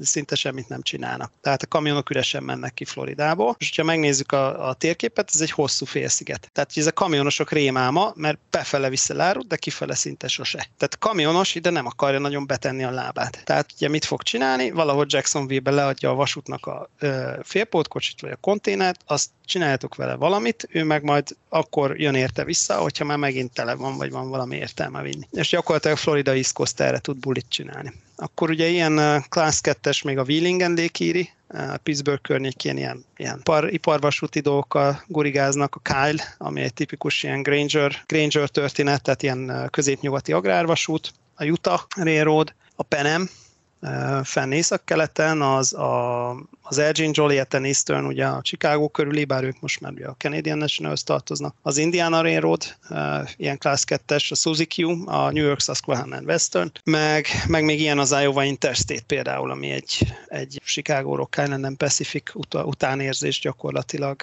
szintén főleg ilyen Granger, tehát ilyen agráripari. Úgyhogy általában ezek ilyen egy-két tagállamos maximum 1500-1600 km, általában egy fővonal, esetleg egy pár szányvonal van, de jellemzően egy fővonalas cégek, ez a Class 2 kategória. És akkor ugye van még a Class 3, ez a 40 millió alatti bevétel, ez tipikusan ilyen 20-tól nagyjából 250-300 mérföldig, néha van, amíg hosszabb közülük, de, de azokon vagy, vagy ilyen nagyon időszakos forgalom van, például az agrárvasutak ilyenek középnyugaton, vagy, vagy pedig nagyon ritka rajta a forgalom. A New England Central ilyen tipikus példa, bár ugye 360 mérföldes, de ugye fenn van New Englandben, ami, ami vasúti szempontból, tehát ez a Vermont, New Hampshire, Maine államok, Massachusetts, ez, ez vasúti szempontból egy ilyen elég halálzóna. Nagyon kicsi a forgalom sűrűség, és hiába van 360 mérföldnyi vonaluk, így is csak Class 3-ba férnek be, mert, mert rövidek a vonatok, kicsi a buli. És hát ugye ami Class 3 alatt van, tehát még ebbe a kategóriába se fér bele,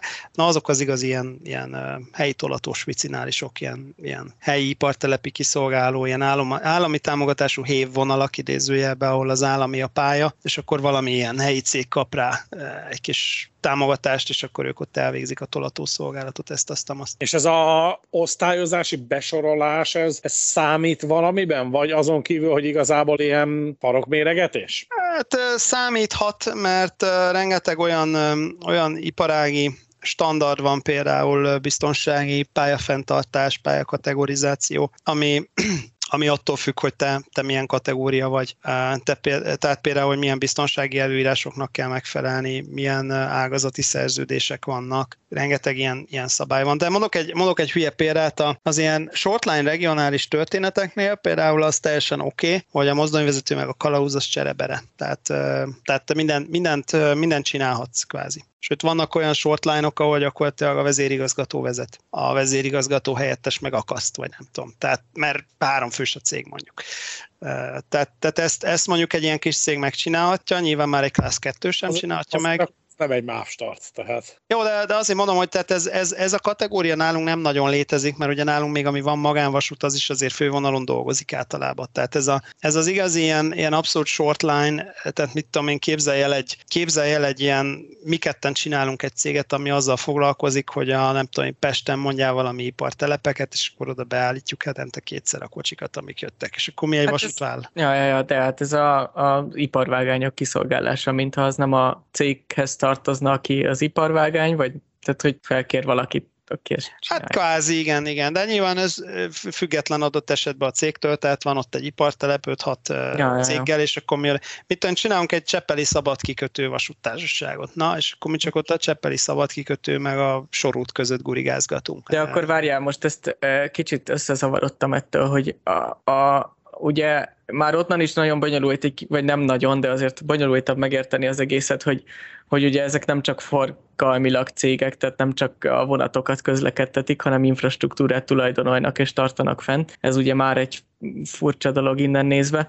Viszont akkor a, az árbevétel, ami, ez a, ami alapján ez megállapítódik, abban nyilvánvalóan benne van az egész cég. Abban benne van az egész az infrastruktúra cég, és a, és a közlekedés is. Hát infra, tehát, tehát ez az európai ketté választott dolog, ez ott nincsen. Tehát, igen, tehát, igen, igen, ezért igen. igen. Tehát az egész de, cég, de, de ugye az infra... Ugye, tehát hogyha azért olyan van, nem, Amerikában, hogy egy, egy, egy másik vállalat infrastruktúráján közlekedtetek vonatokat, és akkor azért nyilván lesz elszámolás, tehát abból van bevétel. E, igen, igen, ez általában, ez általában a trackage right-os buli, tehát amikor valakinek van használati joga a te pályádra, aki nem te vagy, ez, ez inkább a kivétel, mint a szabály. Tehát ez, ja. ez azért ritka, és ennek, e, tehát ez jellemzően nem, nem járó hozzá érdemben a bevételhez. Ugye a másik cég sem feltétlenül akarja ezt használni, mert mennyiben úgy van megállapodva, hogy, hogy ez senkinek se buli. Létezik létezik ilyen, de általában az van, hogy a bevételnek a, a, a zömét azért a, a saját forgalom adja. És ugye az infra nem számláz, tehát nincs az, hogy pályahasználati díjat számlázol ki a UP, Aha. infra, a UP szolgáltat, de nincs értelme, mert ez egy cég persze. Aha. Jó, most nyilván, hogyha a UP... annak nem, igen, de ha egy másik. Na, hát nyilván, hogyha a UP-n a BNSF trackage rajtozik, akkor erről majd fogunk is beszélni, hogy hol van ilyen, uh, akkor nyilván ott megy a számla, és akkor az beleszámít a bevételbe, de nyilván egy, egy UP hálózaton belül az elenyész össze, hogy most a BNSF-ot mm. legurít hetente 3-4 termátot. Tehát. Ja, mert ezért, ezért volt nekem egy kicsit fura ez, hogy, hogy attól, hogy class 1 vagy class 2 vagy, attól miért változnak a biztonsági előírások. Tehát, hogy ez ugye, ez ugye azért hangzik nagyon furán, mert hogyha, hogyha ez több, több átjárhatóság lenne, akkor, akkor ott vagyok egy Class 1 üzemeltetőként, akinek van egy infrastruktúrája, és jön egy Class 3, aki akar közlekedtetni rajta vonatot, és akkor neki mit kell teljesíteni? Hát nem jön, nem jön, mert az a te pályát, nem, tehát neked nem, nem kell beengedned egy Class 3 ez az egyik, másrészt meg ugye a, a biztonsági előírások, például ugye van, van ez a PTC nevű történet, ugye az a, ez a pozitív Train Control, ami gyakorlatilag a, a mi vonat befolyásolónknak, hm. meg igen, tehát ami mi vonat befolyásolónknak felel meg e, funkcionálisan. Például ugye a PTC telepítési kötelezettségi szabályok is ugye úgy vannak megírva, hogyha személyszállító vonat közlekedik a vonalon, hogyha ilyen meg olyan pályasebesség, hogyha ilyen meg olyan mennyiségű e, veszélyes anyagszállítmány per év, tattada. E, tehát nyilván úgy van megírva a szabály, hogy a, a class vanok alá esnek, és már egy class 2 sem fog nagyon a PTC alá esni. Uh-huh. Nyilván tisztelt a kivételnek, lehet, hogy lesz, aki igen, a, főleg a személyvonat miatt azért bele lehet ebbe esni, de, de jellemzően például teljesen más szabály fog vonatkozni ilyen szempontból egy, egy, egy ilyen kétmozdonyos helyi tolató cégre, mint mondjuk a Union Pacificre. Így értem. Csak ez igen furcsa ez, hogy ezt az árbevétel alapján szabályozzák, hogy kinek milyen biztonsági előírásokat kell. Jó, most nyilván nem, ez, ez csak nyilván a biztonsági, van, igen. Értem, hogy most... van korreláció, tehát hogy nyilván, hogyha nagyobb az árbevételed, nagyobbak a vonatok, ez oké, okay, kis pénz, kis foci, csak hogy attól még érdekes. Jó, most a biztonsági előírásokat mondtam, de, de nyilván a legtöbb biztonsági előírás azért egységes, tehát most ne, mm. ne egyezzük ki erre a dolgot, de például az, hogy, az, hogy kell-e, kell-e például valamilyen jelzőrendszert telepítened a vonalon. Ugye nyilván egy, egy, egy két mozdonyos cégnél ennek kvázi nincs jelentősége, és akkor ott egy ilyen form, van ilyen forma nyomtatvány, és akkor a dispatcher lediktálja neked rádión, kitöltöd a forma nyomtatványt, és így történik a forgalomszabályzás. Nyilván egy nagy cégnél meg, meg fogják kötelezni arra, hogy az mm. gyerekek legalább valami térközjelzőnek látszó tárgyat, vagy szóval érted, valamit te, tessék telepíteni. Ja, hát meg, meg nyilván ennek lehetnek adózási okai, meg, meg mindenféle mindenféle egyéb ok, vagy mindenféle egyéb hozadéka is vannak a, annak, hogy te mekkora vagy, meg mekkora nem vagy. És van egy másik osztályozási rendszer is, amit itt fölírtunk a vázlatba. Ezen is szaladjunk végig, mert azért ez is egy érdekes, bár ez ugye nem hivatalos ilyen osztályozás, mint mondjuk a Class 1, 2 and 3, hanem, hanem igazából ez ilyen mit viszel, és hova viszed a című osztályozási mód. Igen, ezt, ezt inkább én írtam föl magamnak, tehát hogy, hogy nagyjából milyen, milyen jellegű vasutak vannak, mert ugye annyira színes ez a piac, hogy itt is többféle specializáció létezik. Tehát ugye a legegyértelműbb ugye az, aki mainline, tehát ez a trunkline-nak mondják, tehát ez a törzsvonal vagy fővonal. Ugye ez a, aki mindent visz, tehát nincs különösebben rá állva egy, egy nagyon szűk területre, vagy egy nagyon szűk árufajtára. Ugye a legtöbb klász van az értelemszerűen ilyen, mert ugye van neki egy vagy több fővonala, általában több, sőt mindegyik klász vannak, definíció szerint van egy csomó, plusz ugye van neki valamilyen helyi hálózata is. Tehát ugye tud originating és, és terminating, tehát induló és, és, és végponti kiszolgálást is, is tud végezni. Ugye a class vannak általában, sőt a class vannak mind ilyenek, a class azok általában nem ilyenek. Tehát a class általában az van, hogy, hogy vagy jellemzően originating, vagy jellemzően terminating forgalom van, és ugye nem feltétlenül van neki saját, sőt, alig van neki saját hálózata, tehát hálózaton belüli forgalma kvázi ritkán van a klásztúknak. Kivétel, és akkor itt majd fogok említeni egy párat, aki ugye rá van specializálva a saját hálózatán belül valami rövid forgalomra. Ilyen volt például a, a Mononga volt ilyen, aki ugye az egyik vége szénbánya volt, a másik vége meg Pittsburgh volt, és akkor ez így adta magát, hogy akkor a szén, szén lemegy Pittsburghbe. Aztán nyilván volt olyan szén, ami ment tovább is, tehát akkor ez már nem igaz, de, de mondjuk jellemzően ez van nekik. De egy, egy átlag klásztó az úgy néz ki, hogy üzemeltetek valahol 200-300 km pályát, vagy 500 km pályát kinn a világ végén, és akkor tőlem általában agráripari forgalom megy,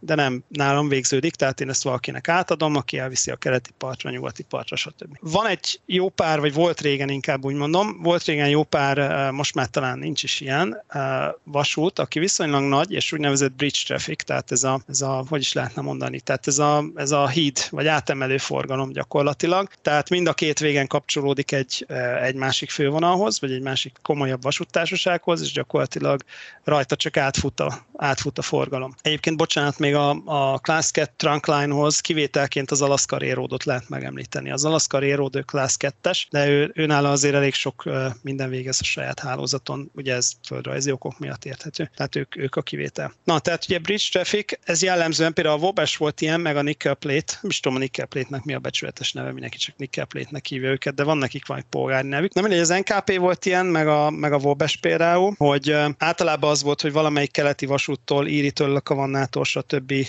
átvette a forgalmat Buffalo környékén, és levitte mondjuk St. Louis környékéig, vagy, vagy ahol végződött a vonala. Ott megáltatta a Santa Fe-nek, a valakinek, a Southern Pacificnek, akárkinek. Tehát nála kvázi nem nagyon volt belső forgalom, se originating, se terminating, egy ilyen híd, hídvonal volt. A Wobes is ilyen volt egyébként, az is hasonló. Tehát ez a Detroit, Cleveland környékén összeszedi az árut, és St. Louis környékén meg továbbadja valakinek, átpasszolja. Cotton Belt volt ilyen, ez a St. Louis Southwestern, vagy a polgári nevük. Ők ugye St. Louis-tól délnyugatra üzemelgettek, és általában Transcon fuvar felvette St. Louis környékén valakitől, és az SP-nek leadta valahol. Western Pacific volt abszolút ilyen, gyakorlatilag a Union Pacificnek a, a nyugati kiterjesztéseként üzemelt, a Monon Indiánában szintén ugyanez a sztori, gyakorlatilag alig volt saját belső forgalom. Egyik végén vette, másik végén továbbadta. Ja, ezek, ezeknél ilyen tök vékony infrastruktúra volt. A Nickel Plate-nek például egyvágányos volt végig, mind végig a fővonala. És uh, egy időben sokkal jobban menedzselt egyvágányos fővonal volt, mint a New York Centralnek a kétvágányos párhuzamos fővonala. Tehát az NKP-n gyorsabb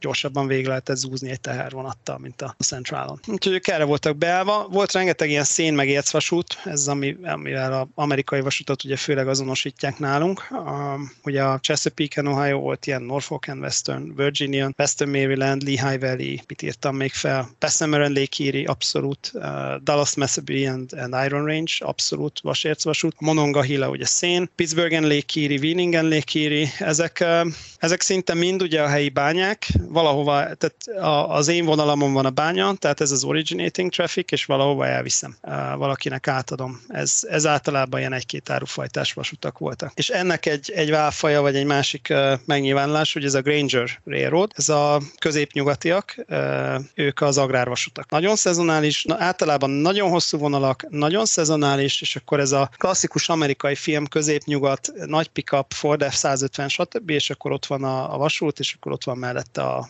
a siló, gabonatárló ott van mellette. Na ez, ez az igazi Granger Road. És akkor van egy 1000 mérföldes fővonala Kázeszem, meg, meg nebraska meg akármin át, és akkor minden 10-15-20 kilométeren ott van egy, egy ilyen terménytároló, és akkor én ezzel gurigázok. Az első Granger egyébként érdekes, mert ő volt az első vasút Chicagóban, a Chicago and Galena Union, már csak hogy a történelmi szerep miatt jegyezzük fel. Ugye ilyen manapság az Iowa Interstate, a Kyle például baromi hosszú van a nagyon alacsony forgalomsűrűséggel, gyakorlatilag hónapokig nem történik semmi, és amikor ilyen szezon van, meg beindul az export, akkor, akkor megnyomás ez erre.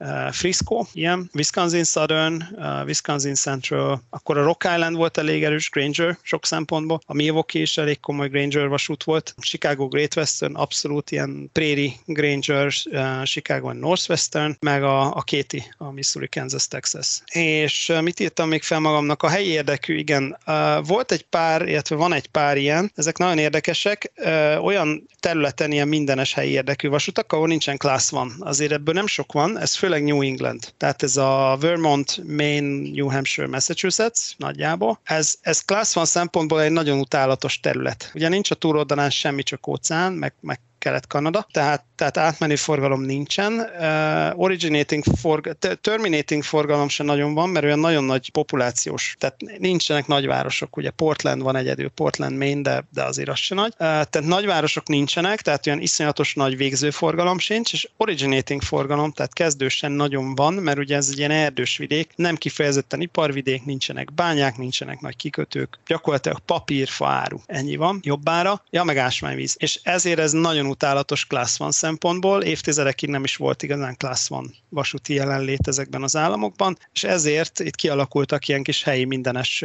vasutak. Ugye a, a Boston and Maine volt ilyen régen, most a Central Vermont, régen a Bangor and the Roostok, meg a Maine Central is, is ilyen volt. Ja, hát ezek nagyon szűk terméskála, alacsony volumen, tehát ez kicsit ilyen vicinális. Amint még felírtam, hogy ezek a specializált vasutak, ezek a legérdekesebbek sok szempontból, ezek ilyen nagyon színes játékosok. Az Elgin Joliet Eastern például, nekik egy vonaluk van Chicago körül. Tehát nekik az az üzleti modell, hogyha el akarod kerülni azt, hogy Chicagóban beragadjon két napra a vonatod, mert, mert dugó van, akkor átadod nekik, és ők szépen körbeviszik Chicago a cuccot. Ők ezt csinálták, a, őket megvette a Canadian National, és ez például nekik tök jó, mert így körbe tudják vinni a forgalmat. Tehát ott a vonal miatt vették meg őket. A Union Railroad Pittsburgh, az is egy baromi érdekes ilyen specializált vasút, ők ott a helyi acélipar kiszolgálására vannak csak és kizárólag. Nagyon érdekes mozdonypark, nagyon szűk terméskála, gyakorlatilag kox, szén, acél, ennyi. És, és ilyen nagyon eldugott még fotózni is baromi nehéz őket, mert gyakorlatilag ilyen iparterületről ki, iparterületre be, rendezőből ki, iparterületre be, alagútból ki, gyárba be, tehát ilyen, ilyen nagyon eldugott történet.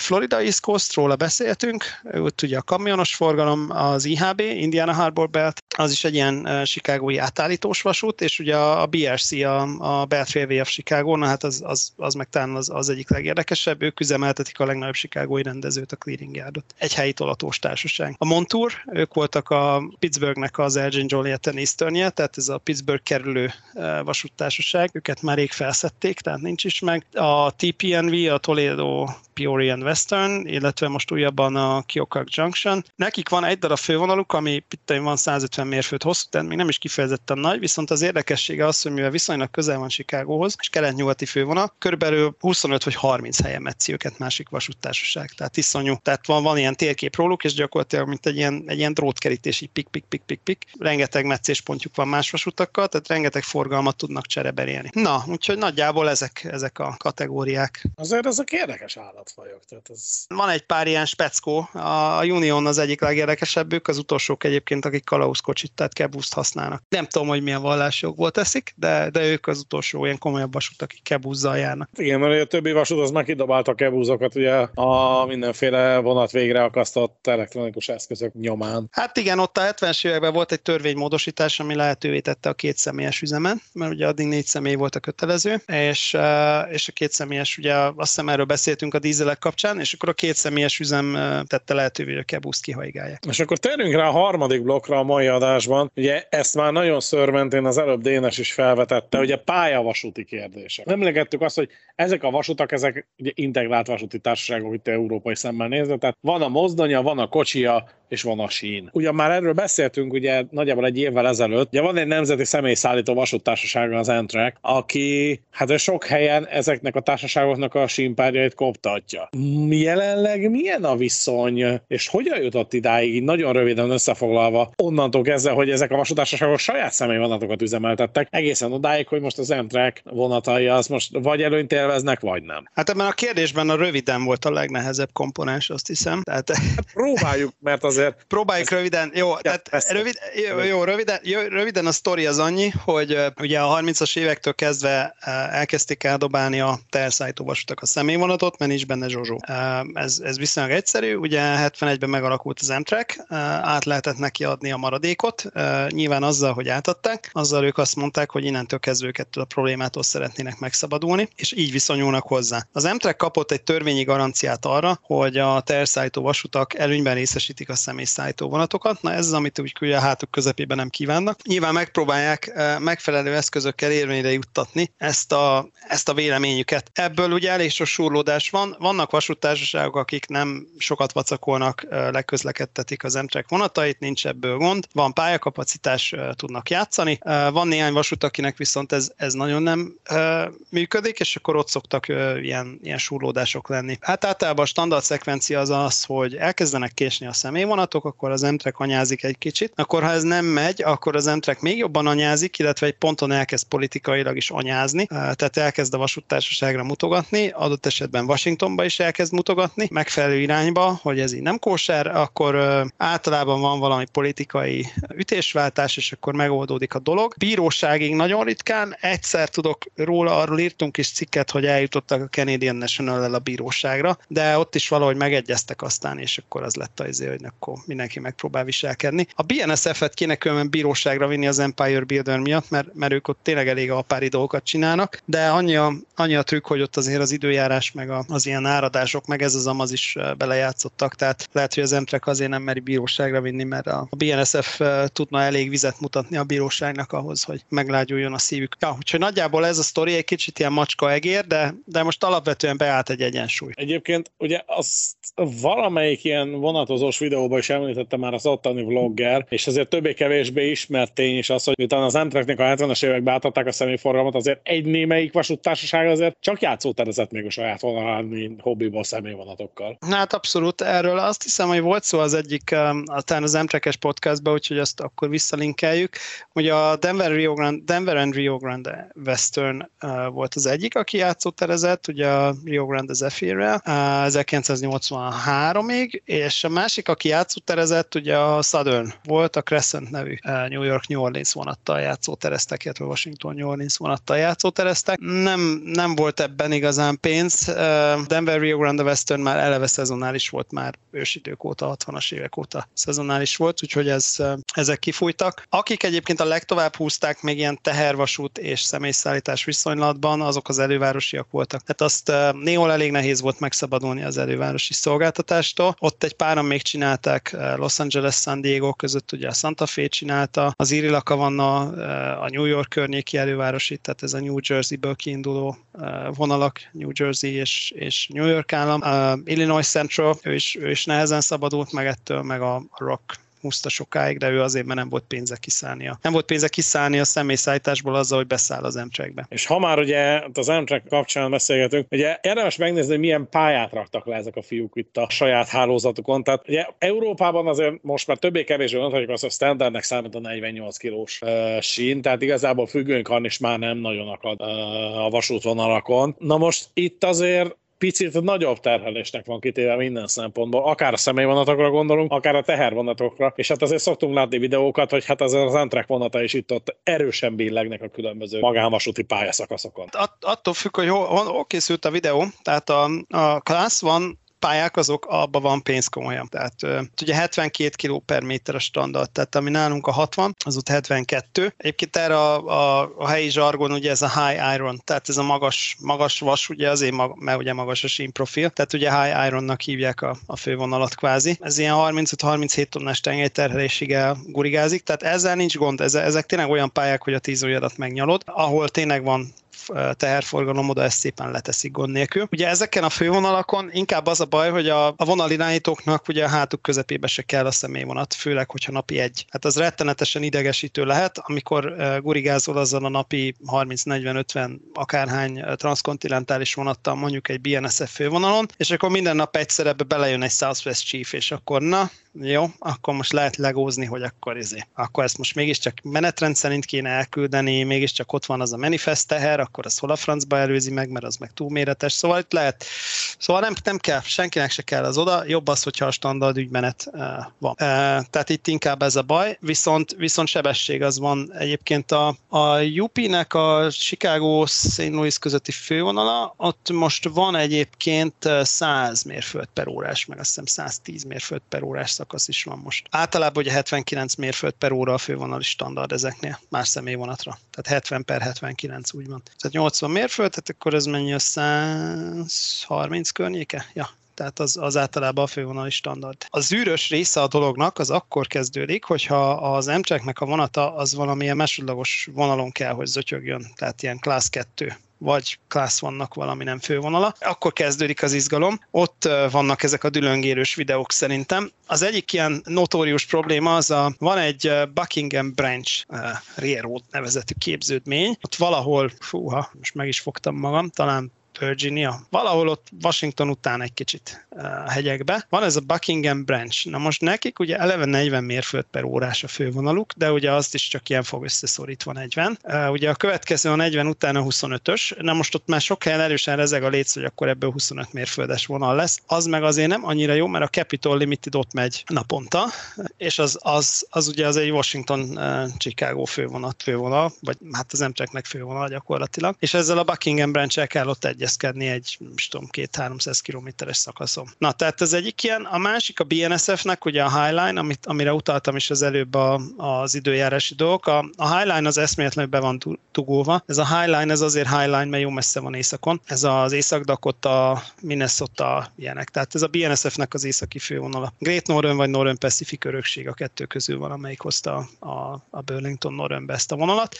Viszonylag sok a folyó, viszonylag sok az áradási probléma, vannak ilyen mocsaras részek, és e, problémás az egész, mindegy. Ez, ez például egy, nem, egy, nem egy nagyon erős fővonal, itt rengeteg szívás van, és nem is kifejezetten gyors. Akkor a másik, amilyen nagyon zűrös tud lenni az Amtraknek, ez az észak-kelet. Ez a New England, ahol mondtam, hogy nincs is class van. Hát ott ugye New England Central Railroad, ZUK cég, tehát Class 2-es. Vermont Railway, ugye ők közlekedtetik a, a Vermont-ört, például az Edirondeket, a, az Ethan Allen Express. Ezek, ezek azért regionális vonalak, tehát itt a 40 mérföld per óra sem feltétlenül magától értetődő. Pan Railways, aki ugye a Down East-ört közlekedteti, most azt felvásárolta a CSX, tehát ott, ott most elvileg megjelent egy Class van, de hát meglátjuk. Ott is ebből volt rendszeres hiszti, hogy, hogy fenn kéne tartani a jelzőrendszer, stb. Vonatbefolyásolás az Amtrak miatt, és, és nem triviális. És a, a, leg, legkedvesebb sztori, ez a krónikusan akut hiszti, így írtam fel magamnak, ez a BNSF Reton Pass, Southwest Chief. Na, ez, ez egy ilyen legendás történet, tehát ugye itt annyi történt, hogy a, a BNSF, a, a Santa Fe és a Burlington Northern összeolvadás kapcsán lett egy új fővonala, tehát a BN-nek volt egy fővonala ugye a Reton Passon keresztül, és ahogy összeolvadtak ugye a Santa Fe-vel, megörököltek egy délebbre futó jobb állapotban lévő fővonalat, és akkor ezt ugye fel lehet adni. Igen, ám, csak ugye a Southwest Chief az erre jár hagyományosan, meg erre vannak települések. A másik vonalon, a Santa Fe vonalon nem nagyon van település. Tehát arra nem szeretne nagyon járni az Amtrak, mert ott minek. A sztorinak az lett a vége, hogy jelenleg a Raton Pass fővonalon az egyetlen közlekedő vonat, az az Amtrak Southwest Chief. Nulla darab tehervonat jár arra, de már legalább 15 éve vagy 20. És, és gyakorlatilag két évente felmerül ez. BNSF jelentkezik, hogy ő szeretné becsukni. És akkor azt mondja az Emtreknek, hogy át, át teheted a déli fővonalra. Az Emtrek mondja, hogy ő nem szeretné, a BNSF mondja, hogy akkor fizessél a fenntartásért. Na és akkor itt kezdődik a hiszti, és ezt minden alkalommal lefutják. És úgy szokott végződni a dolog, ilyen nagyon magyarosan végződik, úgy szokott végződni a dolog, az Emtrek belengeti, hogy akkor busszal fogjuk pótolni egy szakaszát a Southwest Chiefnek középen, ami ugye eleve fából vaskarika, mert ez egy hálókocsis háromnapos menettartamú vonat. Na most képzeld el, hogy van neked egy, nem tudom, Budapest-Lisszabon hotel vonatot hálókocsival, turistákkal tele, és közli neked, mondjuk Svájc pont középen van, úgyhogy legyen az SBB. Közli neked az SBB, hogy akkor nem tudom én, Bern és Genf között én ezt a vonatot nem viszem el. És nem nagyon van más alternatív útvonalad, mondjuk nyilván emiatt nem életszerű, de mondjuk tegyük fel, hogy nincs más útvonalad. Úgyhogy akkor Budapesttől Bernig elviszed a turistát, ott átteszed buszra, leviszed busszal Genfbe, majd visszarakod egy másik vonatra Lisszabonig. Abszolút életszerű egyszerű, nem? Tehát, na és akkor az Amtrak ezt belengeti, hogy akkor ő buszoztatni fog, akkor azt mégse kéne, és a, a dolog úgy szokott végződni, ez a magyar politikus fenomén, hogy a helyi politikus kiballag a vasútállomásra. Na, itt, itt szoktam már visítani, amikor jönnek ezek a hírek, hogy, hogy XY politikus vonatozott, és belemondta a kamerába, hogy már pedig a, a, a Southwest Chiefnek járni kell. A, egyszer volt, hogy az, a, a Joe Boardman még leköszönés előtt az Amtrak vezérigazgató volt kinvonatozni, akkor, akkor már visítottam tényleg, hogy mondom, mi jöhet még? Na úgyhogy ez a, ez a, ez a hogy mondjam, ez a, ez a csengeri vasútállomás amerikai hangja, ez a Lémi New Mexico, és akkor oda vittain kimennek vonatozni a helyi, a helyi szenátor, meg vittain kimegy vonatozni. Na szóval ez a Return Pass, addig kell menni, amíg van vonat, ezt mondjuk 20 éve, vagy mondják 20 éve, addig kell menni, amíg van vonat, főleg azért, mert itt vannak még úgynevezett searchlight jelzők, ez a, ez a három fogalmú egy optikás, tehát ez a színes üvegtárcsákat forgat a lámpa előtt jelző. Ehhez nem kell ilyen messzire menni, mert Olaszországban bőven elég ilyen jelző van, de... Na jó van, na, de most amerikai szemszögből nézve, tehát hogyha te... Van. Jó, oké, persze. Nem Na, de Amerika, amerikai, amerikai vasúton azért ilyen searchlight uh, signal már nem sok van. Na, itt, itt van searchlight signal, úgyhogy itt lehet próbálkozni. Na, úgyhogy ez a, ez a Southwest Chief igaz története. Várjuk a meccs végét, nem tudom, uh, mire nyugdíjba megyek, addigra lehet elröntik, hogy akkor busz vagy, vagy vonat. És akkor haladjunk tovább a videók és a mémek sorában. Ugye 72 kilós hézagmentes fellépítménynek gyakorlatilag a másik vége az, amit nagyon sok videóban szintén lehet látni, meg képeken is, hogy gyakorlatilag a tehervonat az lényegében leborul a vasúti pályáról. Tehát hol van itt a, a vasúti pályának a legalja? Tehát ez a kispénz, kis foci, vagy hogy gondolod? Az kispénz, lassú foci, inkább úgy. De igen, kispénz, kis foci, de mindenképpen lassú. E, lassú passzok. E, 10 mérföld per óra, az, az az alja mindennek, tehát a, fú, most nem is néztem meg a pályabesorolásokat, pedig ezt meg kellett volna néznem, de a, leg, a legalja az a 10 mérföld per órával járható. De várjál már, ezt a 10 mérföld per óra, ez nem ilyen szajori lassú jelszint, hogy mit tudom én a Nem, nem, ez a pálya, nem, ez pályás hanem, hogy, És ez ilyen, gondolom, amerikai mértékben így tehát 100 kilométeres nagyságrend? Nem, az, azért olyat nem illik. Nem, az, Ja. hát itt ugye a számológép megint dolgozik, tehát hogyha ha te egy Granger Road vagy, akinek van egy, itt egy 400 kilométeres vonala valahol, mondjál egy viszonylag lapos középnyugati agrárállamot, mondjuk Nebraska, Legyen. hát van egy, Mondom, legyen. legyen Nebraska. Na mondjuk Nebraskában van egy 400 kilométeres vonalad, akkor ugye ki tudod számolni, hogy ö, 10 mérföld per órával, mondjuk legyen akkor 250 mérföld, akkor ugye 10 mérföld per órával annyira nem buli, mert a tolatós teher majd két nap lesz, amíg leér az egyik végére, meg két nap mégre visszaér. Hát az, az nem feltétlenül jön össze. És akkor ugye dolgozik a számológép, hogyha hetente két vonatot akarok üzemeltetni, akkor nem, nem lesz így jó sehogy se, mert ugye csak itt egy szett mozdonyon van, úgyhogy akkor fel kell emelni 20-ra. Tehát ez mindig attól függ, hogy ez a pályasebesség, hogy milyen hosszon kell gurigázni, ahol azért Hát szerintem egy olyan 30-40 mérföld után azért ez már unalmas lesz ez a 10. Tehát, hogy Nem, nem enyhén. Tehát akkor tulajdonképpen ott tudnak, hogy szokták ezt finoman mondani, kapacitásra tervezni pályát? Hát ez, ez a, igen, ez a menetrend vezérelt infrastruktúra, csak kicsit Az, másképp, köszönöm. mint Na, Európában. Igen, igen, ez, a, ez igen, e, picit másképpen, de tehát itt azért nem a, itt azért nem a, a vonatkeresztekre van a dolog kihelyezve, hanem kiegyezve, hanem, hanem arra, hogy ha nekem egy kuncsafton van egy 20 kilométeres szányvonal végén, akkor hottotát, és hetente háromszor szolgálom ki, akkor hottotát tök felesleges 25 vagy 40 mérföldes pályát fenntartanom, mármint mérföld per óra, hanem tök jó lesz a tízes is. Arra kell figyelni, hogy ne boruljon le a vonat, mert ugye a leborul az nem jó. Úgyhogy erről jönnek ezek a, ezek a videók, hogy ugye így, így leng az egész vonat, és minden kocsi más irányba dől ki. Nyilván más a lépték, de az alap gondolatmenet az, az akkor hasonló. Igen, nem akarok ötleteket adni senkinek, de igen. Jó, mindegy, én értem, amit akartam, azt megkérdeztem. Igen, a- az, az orosháza szentes. Igen, or, orosháza szentes vonal, nem, nem akarnék tippeket adni, de hát erről van szó, igen, tehát hogy annyit költünk rá, hogy ne essen le a BZ. E, Végülis ez, e, nem is kell tippeket adni, végülis erről van itt is szó. Ne essen le a BZ mellékszál, tehát ugye van a néger gondolkodó mém, ha nincs bz nem esik le a pályáról. Úgyhogy annyit összetörtünk már, hogy tényleg nem lesz, ami leessen. Na, de vissza a tengeren túlra. Tehát a, a 10 mérföld ugye a, a legalja, ez a, ez a hullámvasút kategória, és akkor innen lehet felépíteni ez a 25, 40, 60, 70, és akkor nagyjából ezek. Ugye egy, egy Klánsz 2 fővonalnál azért a 40-et illik megütni, meg, meg üzemileg az szokott célszerű lenni, mert azért ott már van távolság, meg for, valamiféle forgalom is. Ez a 10 meg 20, uh, illetve bocsánat, 10 meg 25, ez, ezek jellemzően ilyen, hát ez a branch line tehát tényleg ilyen, ilyen mellékvonal. Ezek vannak. És ugye Dénes kérdezte, hogy mi van ezzel a pályavasút meg operátorvasút dologgal. Hát ugye nincsen, nincsen, ugye nincsen open access abban az értelemben, hogy nálunk van. Tehát a, a vasút az általában pályatulajdonos, vagy olyan lehetséges még, hogy ilyen, ilyen egyedüli bérlő vagy leasingelő kvázi a pályának. Ez utóbbi, ez ott szokott megtörténni, ahol megszűnt valamilyen vasút, tagállami stratégiai jogból megszerezte a megmaradt vonalakat, és akkor ki adja bérbe valami helyi ilyen garázs cégnek, hogy akkor ők ott, ott tologassanak, tehát hogy mégiscsak fenn legyen tartva a forgalom. Ilyenből azért elég sok van, Ez, ezek szoktak béreltek lenni, aki, aki valami komolyabb dolgot akar, azért az saját uh, tulajdonban tartja a pályáját. Uh, Most olyan létezik, Open Access ugye abban az értelemben, ami nálunk van, abban nincsen, olyan viszont létezik, ha összeolvad két vasút, ez főleg ugye nagyobbaknál érdekes, akkor az összeolvadásoknak a feltételéül, ilyen versenyjogi feltételrendszerben szabhatnak ki trackage right, tehát pályahasználati jog feltételeket. Tehát mondhatják azt, hogy akkor lehet megcsinálni a fúziót, hogyha adott rivális vasúttársaság az adott vonalra kap pályahasználati jogot. A leghosszabb, amit tudok ilyet, meg, megnéztem, hogy kilóra melyik a legnagyobb. Leghosszabb, amit tudok, az a, a Southern Pacific Union Pacific fúzió feltételeként kapta a Union Pacific azt a nyakába, hogy a BNSF-et be kell engednie a Western Pacific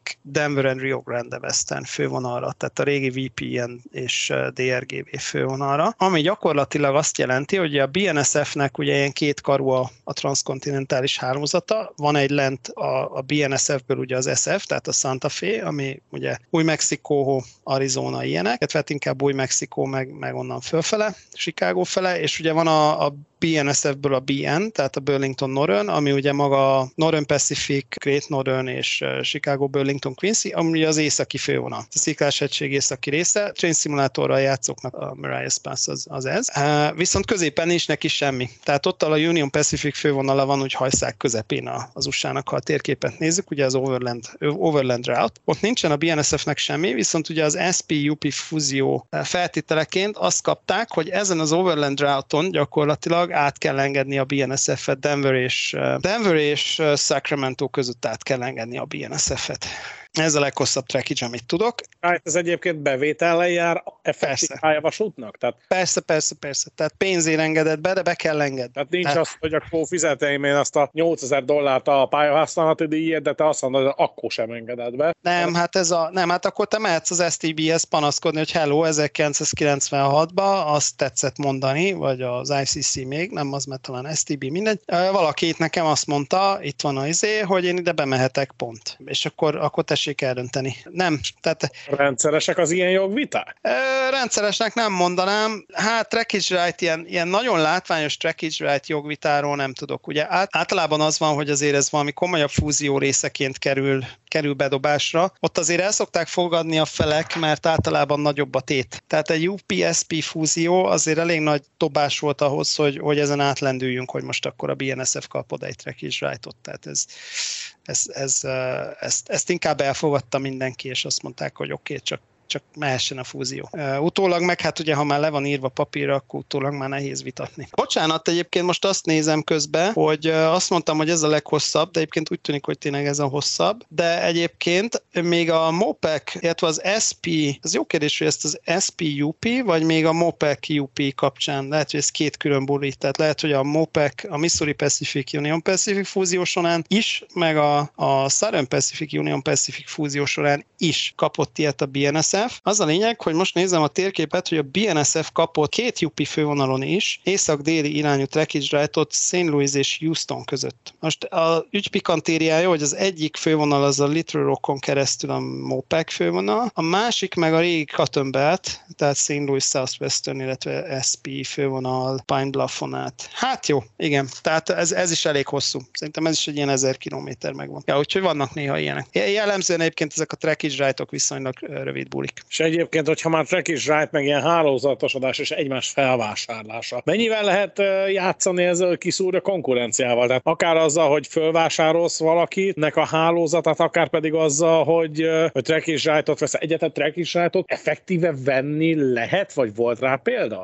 Vagy ezt inkább csak megítéli? Hmm, ez egy jó kérdés. Ez, ez ad, adni-venni szabadon nem tudod, az abban szinte biztos vagyok. Most azon abban kutatok, hogy abban kutatok, tehát akkor hogy... Az nem működik, hogy oda megyek a Union Pacifichez, hogy szia, innen ide szeretnék akkor. Ja nem, nem, nem. Úgy abban a formában nem. Most én arra gondoltam, hogy mi lenne, ha a BNSF el akarná adni ezt a trackage right hogy ezt neki szabad, de nem, mert ugye ezt, ezt versenyjogi feltételként kapták a másik cégnek az összeolvadásakor, tehát ez nyilván arra a helyzetre áll fönn. Tehát ebbe, ebbe inkább benne ülni szoktak az emberek, ezt nem akarják eladni. Most azon gondolkodom, hogy olyan volt-e már, hogy úgy cserélt gazdát egy vasút, hogy gyakorlatilag gyakorlatilag a trackage right miatt vették meg. Most hirtelen nem tudnék neked ilyet így hirtelen mondani. Mert az valakinek, aha.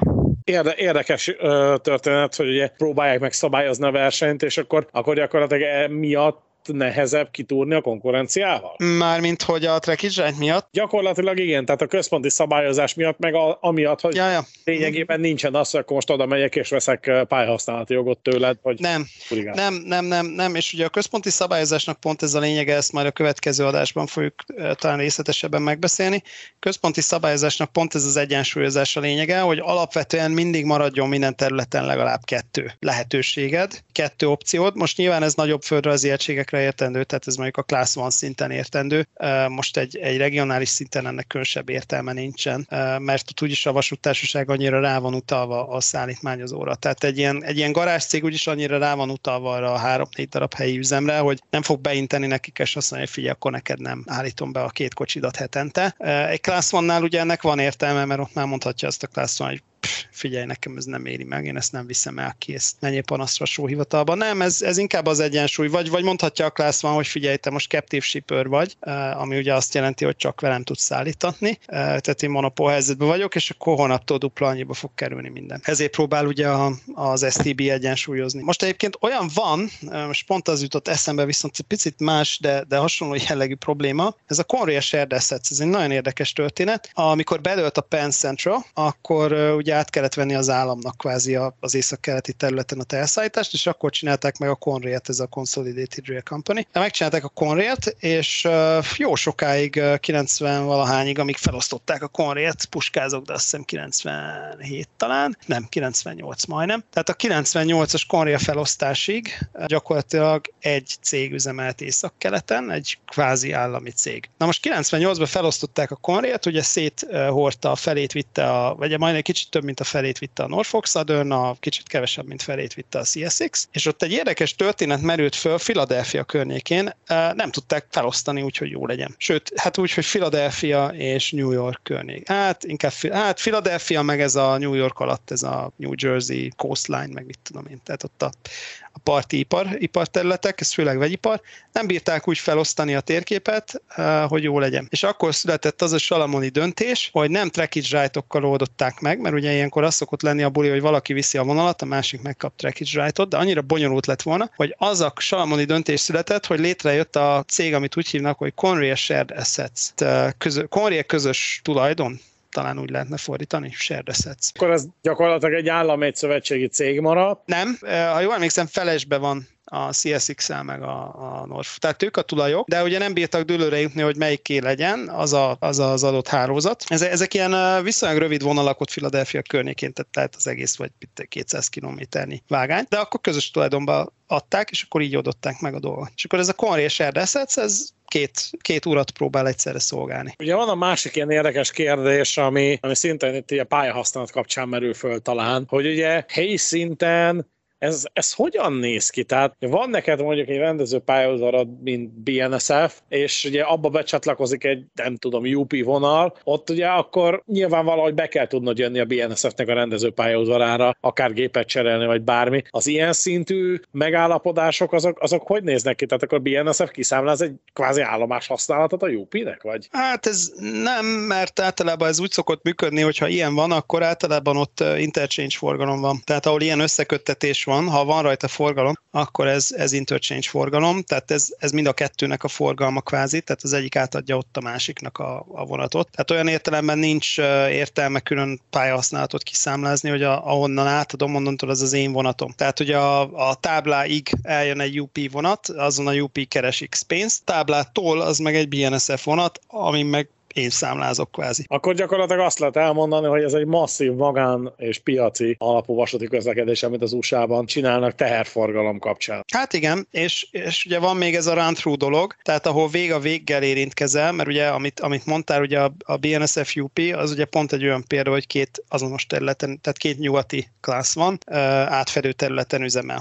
Ugye az egy interchange felállás lenne, viszont ahol, ahol meg vég a véggel, tehát mondjuk egy, egy UP Norfolk Southern tegyük fel, ott ugye felmerül az, hogy, hogy run-through, megállapodás van, tehát ez azt jelenti, hogy minek bohóckodjunk a gépcserével, hanem akkor mondjuk a UP gép, az szépen run-through-ba tovább megy. És akkor így jött létre az a fotó, ami egy picit kapargattam, az államat gyorsan megkerestem a földön, visszatettem.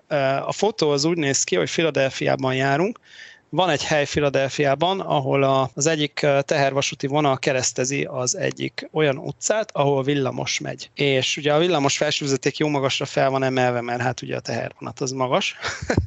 és ott áll a villamos az átjáróban, pirosan villog a vizé, és jön a mozdony, ami BNSF. És akkor gyorsan megkerestem az állam, hogy ez így hogy a rákba, mert ugye az, az ott nagyon nem BNSF, az ott egy CSX vonal. És ugye a BNSF-nek a legközelebbi vonala az oda egy olyan jó 2000 kilométer, és hát aztán ugye a megoldás a run through, tehát hogy ez valami olyan vonat, ami, ami run through-ba jön a, a BNSF-től, és gyakorlatilag Philadelphia-ig elmegy, keleti partig elmegy a, a BNSF mozdonja. Szóval ilyen is létezik. És ez BNSF személyzet is, vagy ott váltanak azért? Nem, váltanak. Váltanak, csak hogy ne kelljen bobóckodni a mozdonyjal, ezért átadják a mozdonyt. Sőt, egyébként olyan is van, hogy hetekig kering, tehát olyan is van, hogy befogják a mozdonyt, és adott esetben hetekig kering a, a másik vasúttársaságnál a mozdony, aztán majd valamikor visszaadják. Aztán úgy járnak, mint az ÖBB meg némelyik magántársaság, hogy már a Facebookon keresték a mozdony. Keresik a mozdony. Hát az amerikai hálózatot ismerve egyébként csodálkozom, hogy nincs ilyen rendszeresen, hogy keresik a mozdonyt, mert azért az, tehát egy, egy BNSF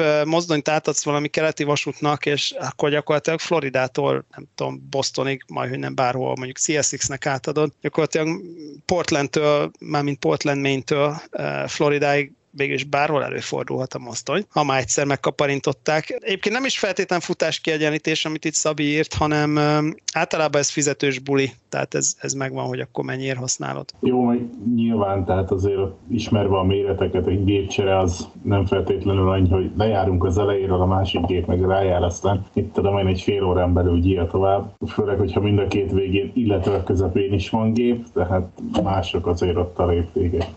Hát meg nem gazdaságos, mert ugye egy átadó ponton akkor neked a gépet oda kell vinned, és hogyha fél napot késik a másik oldalon a termat, akkor te fél napig ott bugyborékolsz azzal a három mozdonyjal mondjuk, az, az annyira nem puli senkinek, meg a személyzet ott áll izé. Sokkal egyszerűbb azt mondani, hogy amikor jön, akkor jön, megy a telefon, jöjjön a személyzet, a krúkár kis autó, izé, kis Ford F-150-es kis, hogy hívják a kis bokorugróval, igen a kis mik- mikrokároddal, Ford, Ford F-150-es. Tézőjelben kicsi. Igen, egy kis Ford F-150-es kis mopedautóddal kiviszed a személyzetet, ja, feldobják a kis portáskájukat, ez gyia tovább, sokkal egyszerűbb, mint, mint a gépekkel ott állomásozni valahol a világ végén, meg ugye ezek az interchange néha elég világvégi helyeken is tudnak történni. Olyan, olyan egyébként van már, hogyha itt a összefogásokról beszélgetünk, ma már nem nagyon van, de régen volt egy csomó olyan, hogy ilyen tulajdonosi átfedések voltak, és akkor ment a Tili hogy át, átfestjük festjük-e a gépet, vagy csak átmatricázzuk, vagy izé. Az egyik ilyen volt például ez a Hill Lines, ez a James J. Hill, a Fennészakon volt egy,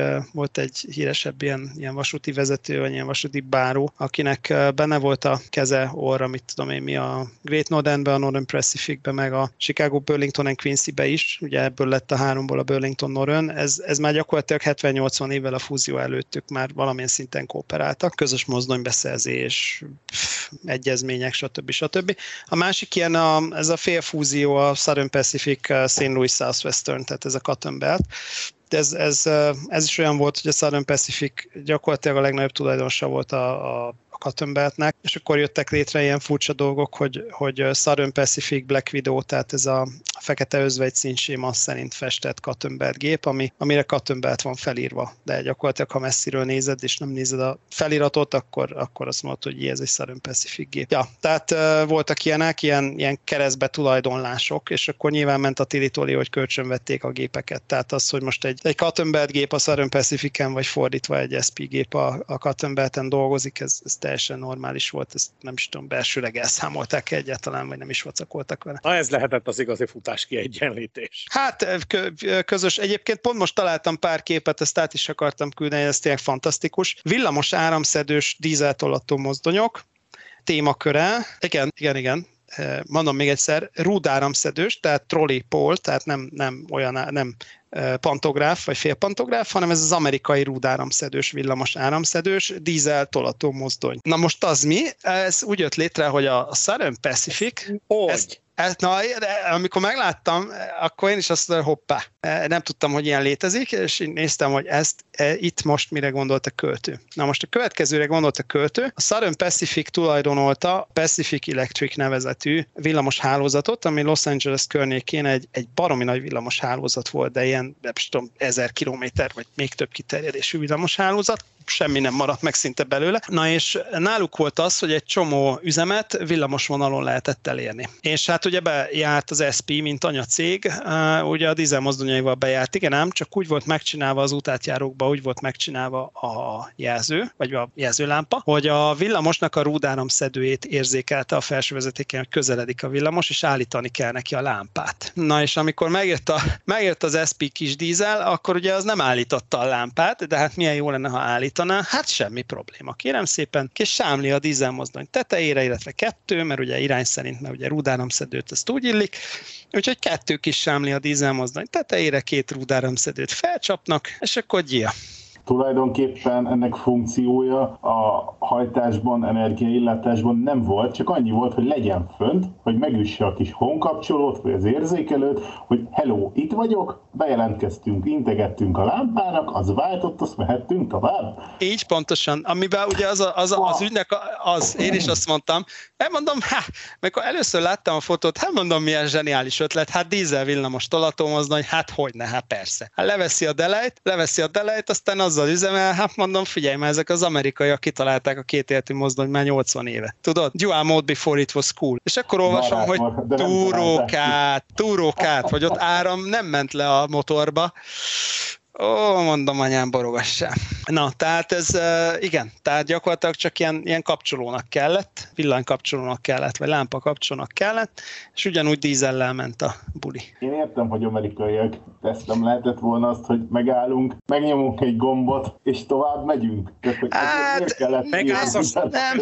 Sokkal több gázolaj fogy. Nem, nem, egyrészt igen, másrészt meg, meg igen, másrészt meg nézd meg azért egy, egy Los Angeles-i utcaképet néz meg, tehát ugye ez a, ez a klasszikus saktáblás, és ugye egy blokk az, mit tudom én, Megállsz minden 150 sark, méter, 200 méter max. Igen. Ah, jó, mondjuk igen. Ugye? Tehát ez amikor igen. 150 méterenként meg kell állnod, és, és a Los Angeles Long Beach, ami össze van most már épülve, az 50 kilométer. Mondjuk akkor még nem volt annyira összeépülve, de most már össze van épülve. A, a kék villamos, a Blue Line, az konkrétan valami 45 kilométert megy Los Angeles-től Long Beachig, és gyakorlatilag 200 méterenként kereszteződés van. Na, az, azért az úgy, az egy, az egy igazi gátfutás lenne, úgyhogy hogy nincsen ilyen áramszedő a dízelmozdony tetején. Akkor mi igazából még a kanyarba sem voltunk, amikor Tusnádfürdőn két fogásba álltunk meg a Csíksójó Express-szel. Nem, nem, nem. Hát ez, ez, na, tehát most képzeld el, Szabi, hogy ezt kilincselgetni minden egyes átjárónál, hogy akkor ez. Igen, Igen, meg akkor még, még akkor ott van a Sacramento-i villamos probléma, amikor négy egységes,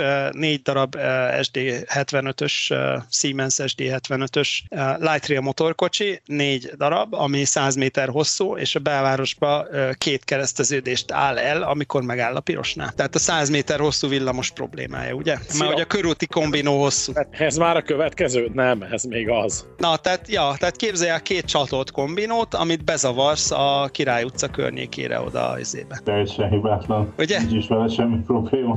Ugye?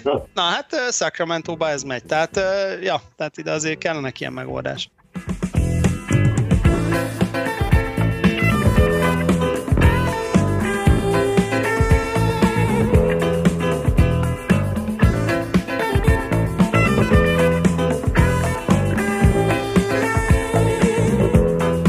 A vontató járművi érdekességekről azt majd még fogunk beszélni a következő részben, viszont lassan itt elvágjuk a fonalat, hogy ezért a hallgatóknak is fogyasztható maradjon ez a beszélgetés. Elég tartalmas volt, és, és nagyon izgalmas ez az amerikai tehervasutazás. Úgyhogy Zoli, köszönjük szépen az anyaggyűjtést, és rövidesen folytatjuk akkor megint. Köszönöm szépen az asztaltársaságnak is a szereplést. Most már nem Szamedámból, hanem Landquartból jelentkezett. Perki Dénes. Rákos Jenesről kapcsoltuk. Meller Marcel. Rukander Lajtából. Magyar is Zoltán. És zuglónak a másik végéből. Szondi Szabolcs. Kedves hallgatóink, köszönjük szépen a figyelmet! Hát nem tudom, jó éjszakát, vagy nem tudom, lassan megyek aludni. Köszönjük a figyelmet mindenkinek, ezt az adást, hogy a többit is meghallgathatjátok mindenütt, ahol podcast elérhető, de leginkább a www.közvetlenkocsi.hu oldalon. Kérdéseket, véleményeket, témafelvetéseket pedig várjuk a regionálban Facebook oldalán. Viszont hallásra, köszönöm a figyelmet mindenkinek, sziasztok!